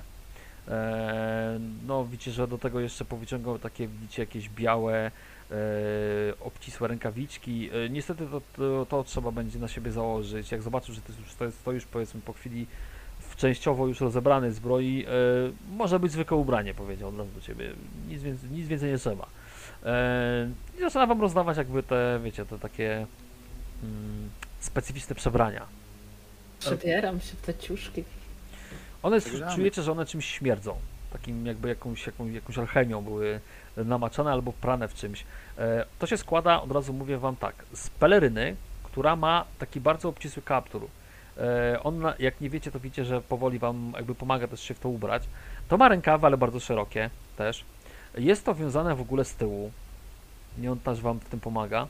E, Jak założycie kaptur na głowę, taki obcisły materiałowy, to na to wciska Wam skórzany kapelusz, do którego jest doszyta na, takich paskach regulowanych maska przypominająca, możecie nawet kojarzyć, o, okrągłe takie, widzicie, są szkiełka tam, dziób wypełniony jakimś takim e, pachnącym ziołem dziwnym w środku. E, wiecie jak to wygląda? Tak, do, doktor śmierć, no, to, tak no, to to wygląda. było używane i to w tym świecie też tak jest. E, używane jakby jak oni nie bardzo wiedzieli jak się rozprzestrzeniają choroby, no to mieli takie jak specjalne wiecie zioła, tutaj to oczywiście działa po prostu. E, w każdym razie ubieracie się, wyglądacie trochę jak takie wiecie kruki, nie? Albo wrony, jak się poubieracie, wrony w kapeluszach dosłownie. E, zakładacie sobie te białe rękawiczki, jeśli Ja tylko takie kra, kra. tak spojrzał, nic nie powiedział, sam się też to ubrał. E, no i pokazuję wam po prostu na wyjście. No, zapraszam, to oczywiście ma stłumiony trochę głos przez tą maskę. E, podsumowując, e, Redan zostajesz tu z dzieckiem, tak? I z, Tak, i z e, rzeczami zostaje, zostaje z dzieckiem, e, I a ze ja mam... sprzętem. I ze sprzętem, tak właśnie o to mi chodzi, no. Dobra, dobra. Więc e, cała wasza e, nadal czwórka e, przemieszcza się na zewnątrz. Zauważyliście, że jak wychodzicie w tych przebraniach w ogóle razem z tym lekarzem na czele, to jakoś mniej zwracają uwagę na was nawet strażnicy w tym momencie. E, więc e, podchodzicie pod ten duży sza, szaro-biały, taki wielki namiot, e, gdzie słychać o- otrząchiwania, jakieś jęki, mnóstwo rozmów, głównie głosy e, dziewczęce, czyli pewnie mnóstwo sanitariuszek w środku się znajduje i kiedy poły są pierwsze, drugie, e, otwarte przed wami, e, zanim w ogóle do środka też e, weszliście, zauważycie, że podłoga jest wysypana jakimś białym, śmierdzącym proszkiem, który nawet jest czuć przez tą maskę, którą macie i w środku faktycznie wygląda to trochę jak szpital. Środkiem puszczone są, widzicie, takie wielkie kołki podtrzymujące strop, E, wszystko jest wzmocnione jeszcze jakimiś, widzicie, takimi metalowymi rurkami, więc trzyma się to dość solidnie. Rzędy łóżek poprzedzielane, niektóre są parawanami i to się ciągnie do samego końca praktycznie tego namiotu. W kilku miejscach widać takie punkty, jakby wiecie, e, badawczo-sanitarne, gdzie tam siedzą e, młode dziewczyny, też w tych maskach wszyscy tutaj są. Te czarne kruki, widzicie, doglądają niektórych e, leżących. Tam są, widzicie, mężczyźni, kobiety, dzieci, wszyscy w różnym stanie. Niektórzy są ranni, część jest opatrzona, e, część się krztusi i jest odsłonięta całkowicie, wiecie, tym parawanem. E, no i on jako ta, powiedzmy, dowodząca wrona, reszta rusza za nim, wchodzicie w głąb tego dziwnego miejsca dla was, bo no szpitali w tym świecie rzadko kto odwiedza, więc czujecie je po prostu na plecach, jak wam wchodzi taki ciężar w postaci zbliżającej się śmierci, albo nawet śmierci, która już nastąpiła, tylko jeszcze nie wiadomo na którym łóżku. E, Jest tu przeludnienie panuje, to, na pewno jest bardzo ciasno, ciaśniej niż e, ty Sofii mniej więcej masz jakieś podstawy medycyny, więc e, raczej za blisko są siebie, więc faktycznie jeżeli by tu jeszcze w szpitalu wybuchła epidemia, to, to tylko to ostatnie, co by, co by faktycznie lekarze chcieli w tym miejscu. Zagłębiacie się tam, a w tym czasie Redanie siedzisz z dzieckiem w namiocie medyków, e, w sumie odpoczywając. Pytanie do Was, czy nie robimy krótkiej przerwy? Możemy zrobić Można. tą przerwę, Pewnie. tylko ja chcę jeszcze powiedzieć, e, Tak. co chcia- chciałbym zrobić. No nie? Słucham. E, chciałbym skompletować cztery stroje. Takie, które można, bo ich je, jak rozumiem, tutaj są dużo, no nie? Czy wiesz, 25 nie znajdziesz? Yy, rzuć sobie, po to będzie nabrać sensowne. Rzuć sobie K6 i tyle możesz skompletować. Cztery powiedziałem. Stroje. Rzuć K6, E. zobaczymy ile jest tam w ogóle dostępnych jeszcze. Dobra. Tam parę na zmianę pewnie mają. No to trzy, zna- trzy jesteś w stanie skompletować jeszcze.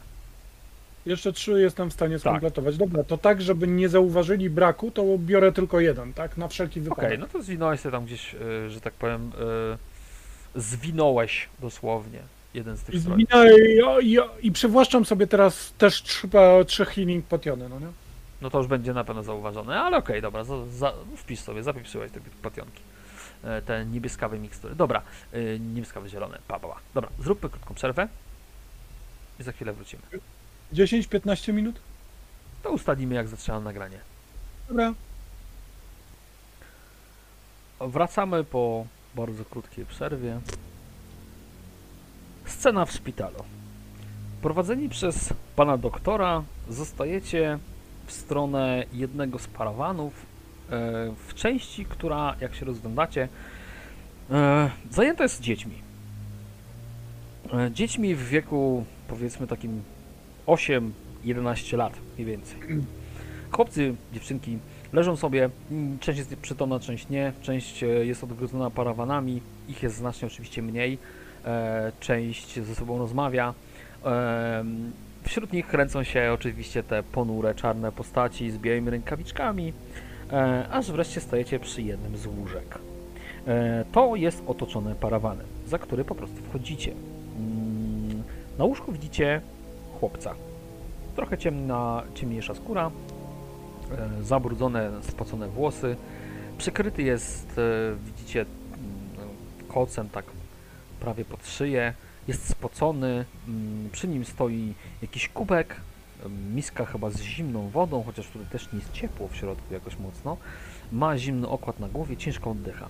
E, Na pierwszy rzut oka widać, że jego tempo oddechu jest bardzo wysokie. Bardzo szybko po, podskakuje mu klatka piersiowa, usta są prawie całkowicie otwarte, e, prawie się nie, nie domykają, nozdrza schodzą jak u, e, wiecie, mm, zestresowanego powiedzmy zwierzaka, oczy są zamknięte. Lekarz wskazuje na to, na to dziecko, przez maskę oczywiście, trochę ciszej, żeby chyba go nie zbudzić, mówi, "No to jest właśnie ten przypadek. Ile chłopiec ma lat na oko? I jeszcze raz? Ile chłopiec ma lat na oko? Mm, Na oko może mieć, m, myślisz, że raczej nie przekroczył 10 lat. Ale Mm, Okej. na pewno jest starszy niż 6-7, ale raczej nie przekroczył 10. No to proszę doktora, żeby nam przybliżył e, objawy, a w tym samym czasie staram się dokonać pobieżnych oględzin, nie? Czyli tam temperatura, wygląd skóry. Jasne. E, No I to tak wiesz co, doktor ci no, mówi to, co już wcześniej mówił. Mm, e, Dostał wysokiej gorączki, stracił przytomność, e, majaczy przez sen, em, chyba ma jakieś koszmary, ale to pewnie wynik temperatury, bo ten jest bardzo rozpalony. Mm, I to w sumie chyba wszystko. Nie jestem w stanie ani- mu zbić e, temperatury, ani e, nawet podając różne środki, kiedy się budzi, e, one nie, po prostu nie działają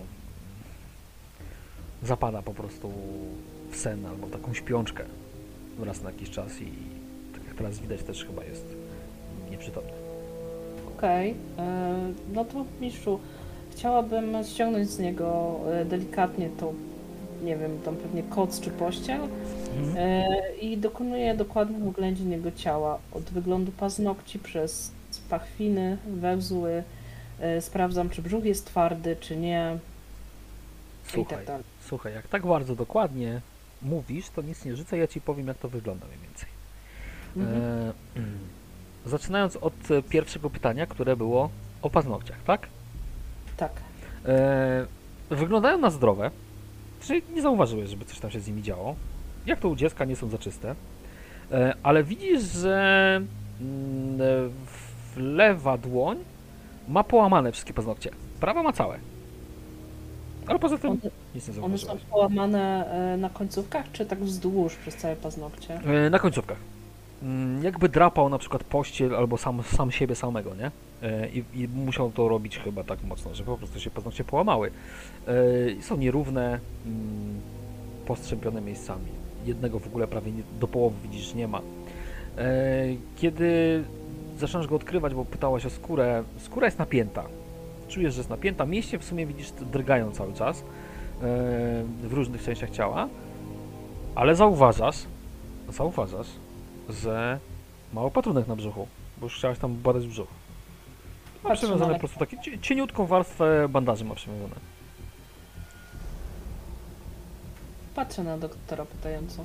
No, spojrzał. E, e, musiał się podrapać. Być może przez sen po prostu założyliśmy opatrunek. No to patrzę na Gabriela i zsuwam ten opatrunek, żeby zobaczyć jak wygląda rana. No dobra. Mm, zaczynasz rozwiązywać e, bandaże. Dziecko w tym czasie po prostu słyszysz, że ciężko, szybko i ciężko oddycha. E, nie wydaje poza tym żadnych innych dźwięków. Mm, kiedy ściągasz bandaże, pod spodem widzisz, że e, rana już jest taka, wiesz, mm, jakby z, pokryta lekko już strupem. E, widać, że to nie jest pierwszy opatrunek w ogóle. To już musi być któryś z kolei, bo on nawet nie był przesiąknięty, jest le, le, ledwo brudny. Brzuch się porusza oczywiście, bo chłopak oddycha, e, ale widać tam no, rany po paznokciach. Okej, czyli tak jakby swędział go brzuch, nie widać nigdzie indziej jakichś zadrapań na jego ciele. Nie, w żadnym innym miejscu nie, nie zauważyłaś zadrapań. E, tak jakby, hmm, jak tak się przyglądasz, możesz sobie rzucić test intelektu. Z jak, w sumie to, znaczy medycyna ci nie pomoże za bardzo w tym, po prostu to rzuć test intelektu i się faktycznie podrapał, tak dość mocno.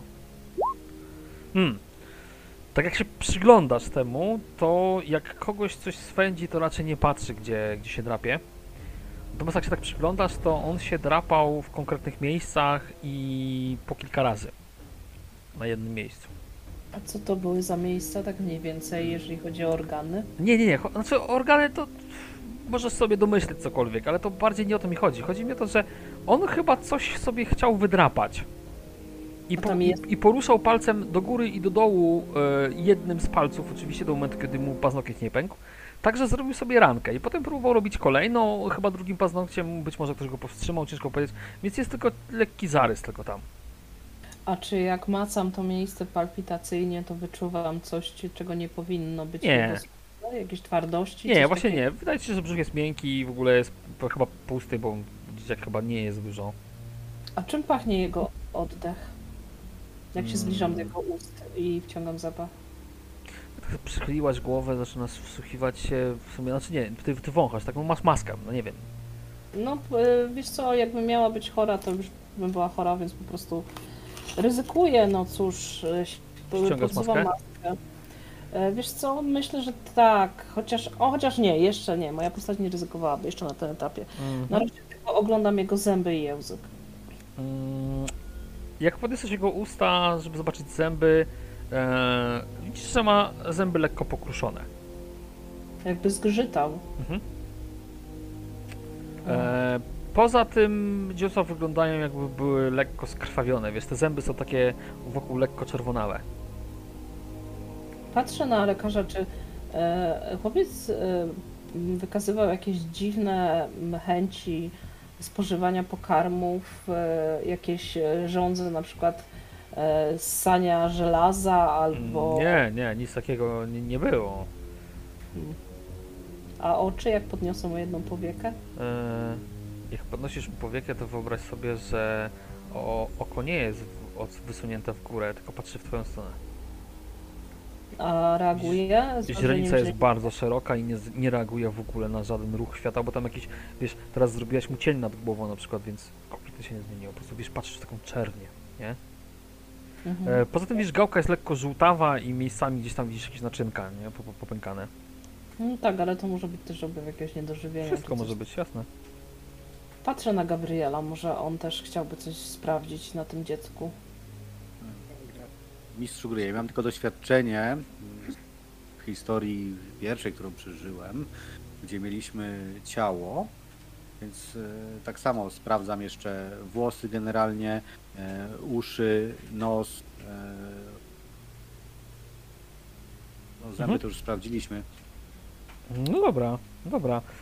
Wiesz co, włosy, no są przepocone z racji tego, że dziecko cierpi na chyba jakąś podwyższoną temperaturę, więc e, w głow, we, wewnątrz włosów e, nie znalazłeś nic mm, interesującego.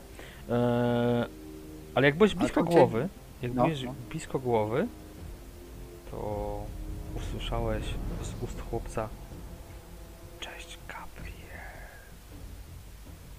Rzucam się na ziemię. Patrzę na niego, on wskoczył, przewrócił się na ziemię, nie? schylam się do niego, co się stało? On, on, on powiedział, cześć Gabriel. Kurwa, co tu się dzieje? Jezus Maria, no to ja się prostuję y, i przychylam ucho do ust. Czy, Oddech, słyszy, słyszysz oddech, no wiesz, miarowy. czy y, jestem w stanie, sprawdzam y, wyczucie magii, czyli sense magic, czy czuję tutaj być może jakiś rodzaj magii? Oczywiście, że czujesz. Od strony Gabriela magię iluzji. Y, tak, wiem, To jest ale jedyne czy, źródło.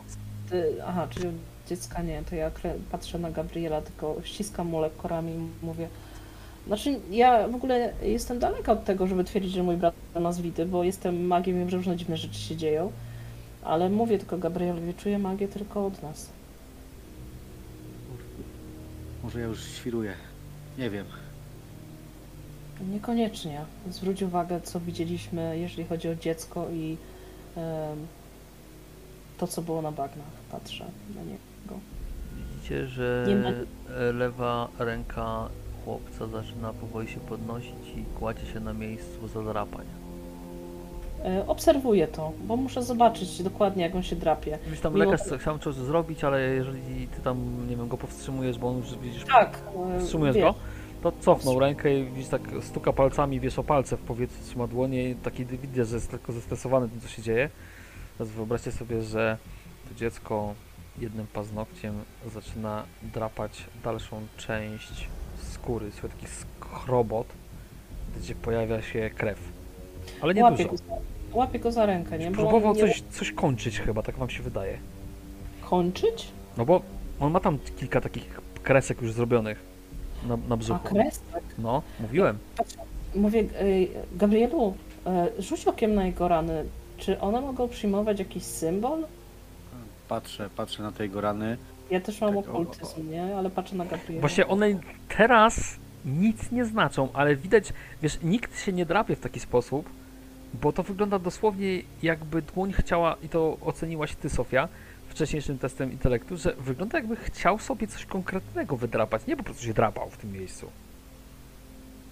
Czy ja mogę spojrzeć, że na przykład nie jestem w stanie spojrzeć na przykład jakieś barwy wojenne, takie na przykład ludzie się, niektóre mm, tam się malują, prawda, ludy. To co?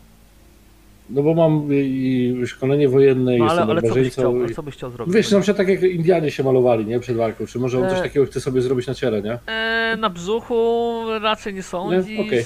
Nie, nie, nie. I Zresztą nawet nie patrzę za bardzo co robi. Okej. A mamy coś, co możemy mu dać do, do pisania ewentualnie? Mam pomysł. Świńska skóra. Nałóżmy mu na brzuch. Niech drapie. A Zobaczymy co skąd mam wyda. wziąć świńską skórę, stwierdził lekarz. Mamy zabić teraz jedną z kilku świń, które mamy? Mm, Zaproponowałabym się. Można by pewnego krasnoluda tak do... Zap... Zaproponowałabym. Co robicie? Bo on w tym czasie stara się znowu drapać miejsce. Ja go trzymam za to A, rękę. no Ja go, ja go chwyciłem za rękę. To, to widzisz, że on palcami w powietrzu po prostu jakby, wiesz, stara się wyrwać tą rękę ci e, z uścisku e, Alex. No czuje opór, no bo jesteś potężnym mężczyzną, więc zatrzymała się dłoń w powietrzu. A Czekajcie, dajcie mi jakiś atrament. y, Zamoczymy mu palec y, i położymy mu tkaninę na brzuchu. Niech próbuje Słuchaj, jest, jest, jest jakaś płaska, płaska powierzchnia, nie wiem, tacka, cokolwiek? Mm, no nie, Taka nie ma, tak wiesz, nawet e, przecież na, trzymają te narzędzia swoje. ale to E. tak, ale to jest, pamiętaj, to jest łóżko szpitalne. Tutaj masz e, tackę, jakbyś miał jakąś tackę, to pewnie z jedzeniem, a tutaj obok niego nic nie stoi, tylko kubek wody, miska pełna zimnej wody i takie, przepraszam, materiałowe okłady. Uj, biorę, biorę miskę, wylewam z niej wodę. Cholera. Ten. Słuchaj, Rozlała się na podłodze. do tej miski wsypuję mąki trochę. Jak rozlałeś żeby pokryła- wodę na podłodze, to widzicie, że ta, a tam mówiłem, jest taki biały proszek, nie? Na podłodze cały czas. Widzicie, No. że woda rozlała się i rozbryznęła w jakiś dziwny kształt, który nie jest naturalnym zachowaniem wody na 100%. Co ten kształt? Dla was? Niekoniecznie. Może coś z okultyzmem dla Sofii. Ale Gabriel, ty widziałeś podobny malunek, tylko to jest niemożliwe, żeby tak po prostu pozornie wody się pojawił. Pojawił się centralnie pod łóżkiem. A przepycham to łóżko. Co to za to, znak jest? to przepchnąłeś razem z tym dzieckiem. Po prostu, wiesz co, to żeby ci uzmysłowić, tobie się wydaje, że to widzisz. Wydaje ci się, że woda wylała się w jakąś gwiazdę. Z widy, to jest gwiazda, pentagram. Też to widzimy, jak się przyglądniemy, jak on już... A Wy jak tak po chwili się przyglądacie to z dużą dozą wyobraźni, to może... Widzieliście ten symbol kiedykolwiek? Pytam resztę. Wszystkich właściwie. Jakaś test percepcji, że widziałem go kiedyś? Nie ma tej percepcji. To, Okej. tak jak mówię, dla was to z dużą dozą wyobraźni może być gwiazda odwrócona. Yy, Dla Gabriela yy, jest jak znak namalowany na podłodze. Masz wrażenie, że gdzieś już widziałeś. To nie było tam w pociągu? E, chyba wcześniej. Widzicie, że dziecko zaczyna d- w tym momencie podskakiwać, raczej jego dłonie. Zaczyna się poruszać w powietrzu i trzymacie jedną, więc widzicie druga ląduje na brzuchu i zaczyna bardzo szybko rozdrapywać skórę. Łapię go za drugą. Dobra? No. To stanąłeś, wiesz, teraz stoisz wiesz, nad łóżkiem, trzymasz go za obie dłonie, to widzisz, że w powietrzu machają się, e, krew delikatnie ścieka po brzuchu, ale teraz wyobraź sobie, że jak trzymasz go za te dłonie, to trzymasz obiema rękami, nie? Tak. czujesz, jak ten chłopak zaczyna rozginać twoje ramiona. Na- na boki. Napinam mi, się- mi się te muskuły. E, masz wrażenie, jakbyś siłował się z bykiem. Ręce jakieś się po prostu rozginają tego chłopaka na boki i rozciągają cały czas. To on jest za silny jak na dziecko i tak mówię do drużyny. No widzicie, widzicie że wielki byk stoi nad nim, Ja. dziecko po prostu rozchyla ręce i go po prostu przesiłowuje. To ja E, kr- No, krzyczę do lekarza, czy są jakieś więzy na to pacjentów. Czy- że szukajcie, pobiegnę po pasy, wybieg na zewnątrz. Zostaliście sami. Ja, ja za, za nie wybiegnę, chcę go zatrzymać. Lekarza, to puszczasz tego dziecka? Tak. Czeka? A czy nie, krzy- głosem go przywołuję. No, słucham. E, w moim ekwipunku jest lina, idź po nią. chyba usłyszał i odbiegł. To na pewno. E, Natomiast w momencie, kiedy wiesz, no siłujesz się z nim, zostajecie sami. Widzicie, że chłopak otworzył oczy. Widzicie, że jego źrenice są bardzo szerokie. Poci się. Widzicie, po chwili na ustach pojawia się e, wykrzywiony chyba uśmiech i zaczyna zgrzytać zębami. Widzicie, jak kawałki szkliwa odskakują na kilkanaście centymetrów z jego ust. Widzicie, że oczy przekręciły się i spojrzały w stronę Gabriela i słyszycie, on ma zamknięte zęby i zamknięte usta w zasadzie, ale przez zęby słyszycie z gardła tego chłopca głos. Słyszycie Gabriel.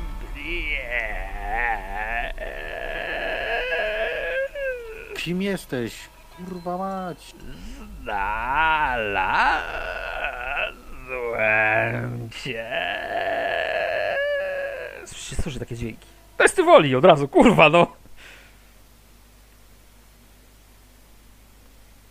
Ja tak zaglądam w jego twarz. Kim jesteś? Oczy się odwróciły w tą stronę po prostu. No, no powstrzymaliście się. O, ja sobie dopiszę. No ty to tak trochę przyknąłeś ślinę po prostu ze, ze strachem. Tak, jeden, jeden insanity możesz sobie pisać. Widzisz, z tym dziwnym, cały czas takim sztucznym uśmiechem, które wyszczerza zęby, które coraz zgrzytają. Oczy, oczy tylko się poruszają, widzicie. E, patrzy na Alexa, potem patrzy na Gabriela. Widzisz, i zostają te oczy jednak odkręcone w stronę Gabriela i słyszysz, że on dalej mówi. Będziesz cierpiał jak twoi towarzysze. Kim jesteś? Kim jesteś? O co ci chodzi? Kim jesteś? A czuć. Dziękuję, że mnie uwolniłeś, Gabriel. Słyszycie? Skąd cię uwolnił? Jak spojrzał, potem spojrzał na Gabriela. Dziękuję twojemu przyjacielowi, który mnie przywołał. Słyszę taki niski głos. Jestem tu. Patrz na ciebie. Gabrielu. Dziecko pff, opadło. Kurwa, to Gabriel. nie może być prawda. Czy wiesz, że odgadał? Może, może tak. Nie mam pojęcia. Wiesz, mieliśmy pewne zlecenie jakiś czas temu. Wysłali nas do kopalni, gdzie się jakieś dziwne rzeczy ponoć działy. Tam zginęła część mojej drużyny. I, i, i chyba coś z tej kopalni wypełzło, bo, bo dnia następnego właśnie martwi zaczęli powstawać. To może tam powinniśmy szukać źródła tego problemu. Nie, nie, na pewno tam nie ma co wracać. Ta, ta kopalnia to jest niebezpieczne miejsce. W tym czasie, Gabrielu, tak sobie gadasz i rozkminiasz, widzisz część, bo on tam się trochę poskrobał na brzuchu. Rozpoznajesz dosłownie cztery litery. Jak? Mikę? Nick. Nasz dawny znajomy. I teraz wiesz skąd mniej więcej rozpoznajesz ten rozbrysk w postaci odwróconej gwiazdy z piwnicy Mikela sprzed ponad roku. Teraz kojarzę, mówię do drużyny. Kto Już wiem, już wiem, gdzie widziałem ten znak, który się uformował z wody. Rok temu trafiliśmy do naszego dawnego znajomego Mikela i też teraz te litery widzę, które ułożyły się chyba w jego, będzie- będą się układały w jego imię. I tam w piwnicy widziałem, widziałem ten znak.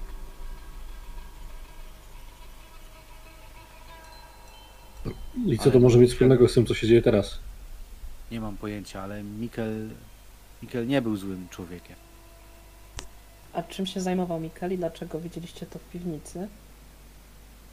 Ech, wiesz co? Zaprosił nas, bo mu- zmarł mu syn. I pojechaliśmy tam na uroczystości pogrzebowe. Sytuacja trochę się później skomplikowała, gdy przyjechał Klecha. Okazało się, że wykorzystywał seksualnie tego chłopca. Ech, to straszna historia. Czy mogło być tak, że ojciec szukał zemsty? O tym mi nie wiadomo. On coś wspominał o przywoływaniu. Hmm. Skrywam głową. Teraz, teraz nie wiem, natomiast jedyny ślad jaki widzę to, to, to prowadzi do domu Mikela. Ale to było rok temu. Słuchajcie, czy ktoś może przy, przywołać słowa przepowiedni? Rzeki spłoną krwią, że nie umarli będą chodzić wśród żywych. E, za dnia nas, nastanie noc, mniej więcej tak. No to wszystko się już stało. Y, Interesuje mnie ta ostatnia część. Tam było coś o krwawym morzu, płonącym morzu. Że rzeki zostaną s- s, spłyną krwią. Zastanawiam się nad jednym, słuchajcie, jak dla mnie ten chłopiec jest opętany przez jakąś siłę, ale jako, że nie wyczuwamy magii, patrzę na Gabriela, nawet nekromantycznej, to musi być coś, co nas znacznie przewyższa swoją siłą i potęgą.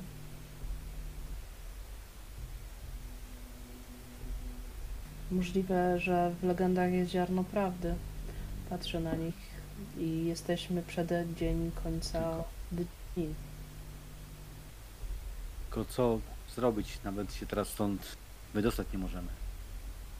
Obawiam się, że jutro się nie wydostaniemy, bo mam dziwne złe przeczucia. Słyszysz brzęk na zewnątrz poza waszym paragan, pa- parawanem, wrzask jakiejś dziewczyny.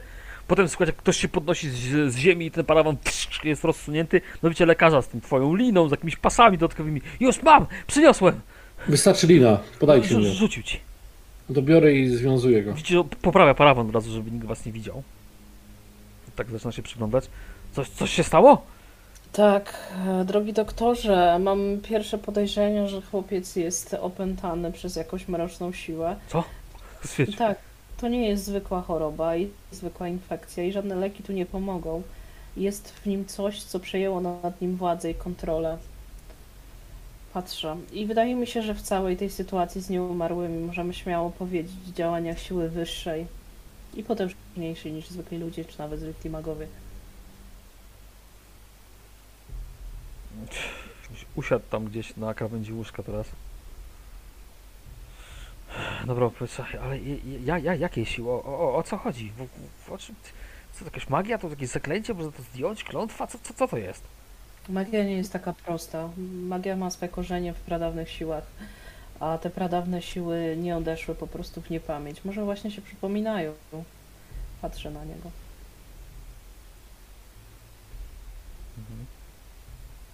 Zastanawiam się teraz, co powinniśmy zrobić. Nie wiem, czy się zgodzicie, ale czymś, e, czymś mnie mówi mi, że dobrze byłoby wrócić do początku, ale nie wiem, czy to jest w ogóle możliwe. Przecież to jest kraina zalana nieumarłymi, więc przypuszczam, że to nie wchodzi w grę. Żeby wrócić do domu Mikela. E, nie wiem, najpierw chciałbym się stąd wydostać. Mam, Obawiam się, że ja będę rekomendować, żeby nie otwierać tego obozu. mam, Mam dziwne Trochę. przeczucie, że jesteśmy tu bezpieczniejsi niż na zewnątrz. I ja nie sądzę. Mam tu trochę napięków. Wydaje mi się, że z połową tutaj osób. Hmm.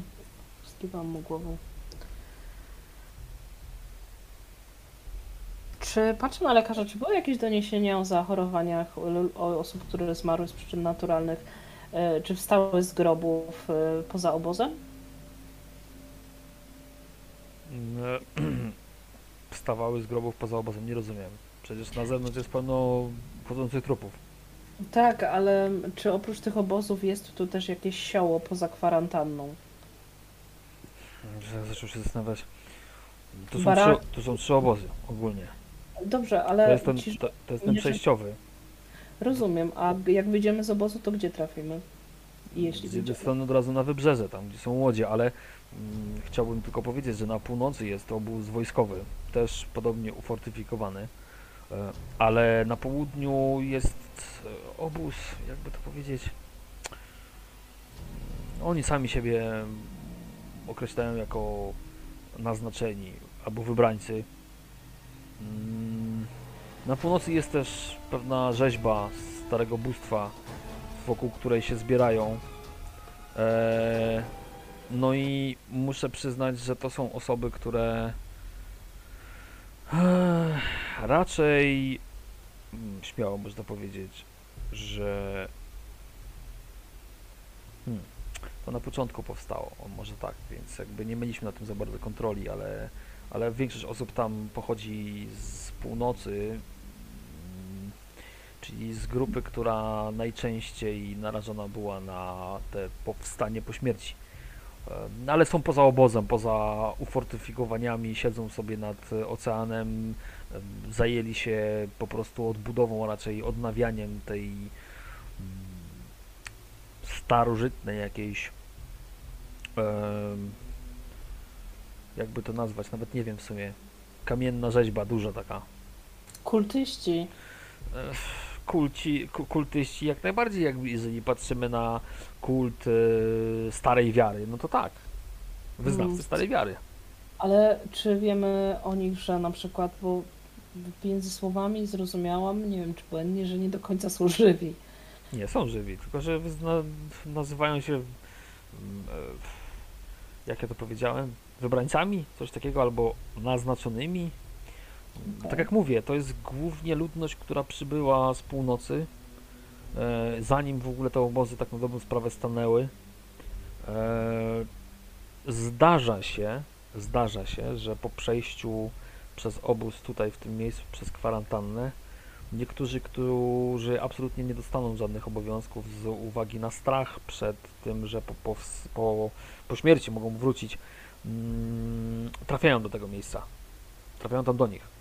Dobrze, a czy mamy jakichś skazańców na powozie? Ludzi To tym się zajmują, zajmuje już wojsko. Jeśli ktoś w obozie tutejszym, w którym teraz przebywamy, za bardzo przesadza, jest e, przetransportowany do e, obozu wojskowego. Mm, Chodzi mi Przyznam o- szczerze, że nie wiem, co z nimi robią. Chodzi mi o eksperyment. Chciałabym zobaczyć, czy jeżeli zabijemy w sposób kontrolowany jakąś osobę, która na śmierć zasługuje i przypuśćmy jest to kara za jakieś jej przestępstwa, to czy ona po prostu wstanie jako trup? Patrzę na doktora. Czy ktoś to sprawdzał w ogóle? Tego nie wiem, ale nie jeden i nie, nie dwa razy obserwowałem śmierć na przykład z powodu mm, choroby mm, skóry albo z jakichś innych przyczyn e, tutaj w szpitalu. I część z tych osób, które tutaj przebywają, wszystkie mają oczywiście czerwone przepaski, część z nich wstaje. Ale nie I wszystkie. nie. Dlatego Właśnie. właśnie nie wiemy, jaka grupa dokładnie i czym się kierować. Wiem, że em, jeden z czarodziejów, Elvenbrat chyba, em, ma jakąś teorię i coś bada i powiedział, obiecał przynajmniej, że niedługo będzie miał jakieś szersze wnioski, mm, jeśli ta teoria się mu potwierdzi. E, Tyle wiem. Hmm, racja. Pozwolę sobie przekazać te wnioski doktorze, jeżeli dowiem się czegoś od mistrza. Tymczasem patrzę na resztę. Słuchajcie, no zostaje nam jedna kwestia. Czekać na e, mistrza, aż bo m- nam przekaże tą teorię, ale to się pewnie stanie nad rankiem. Chyba, że ktoś ma jeszcze jakiś pomysł, co moglibyśmy zbadać na miejscu.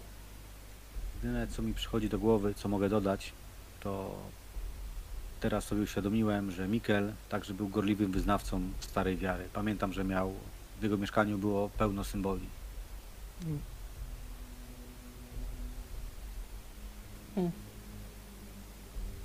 Ale myślisz, że, że ta osoba może być powiązana z tym, co się tu dzieje? E, Wiesz co, sądząc po tym, że wydaje mi się, że ten chłopiec chciał wydrapać sobie jego, jego imię, myślę, że tak.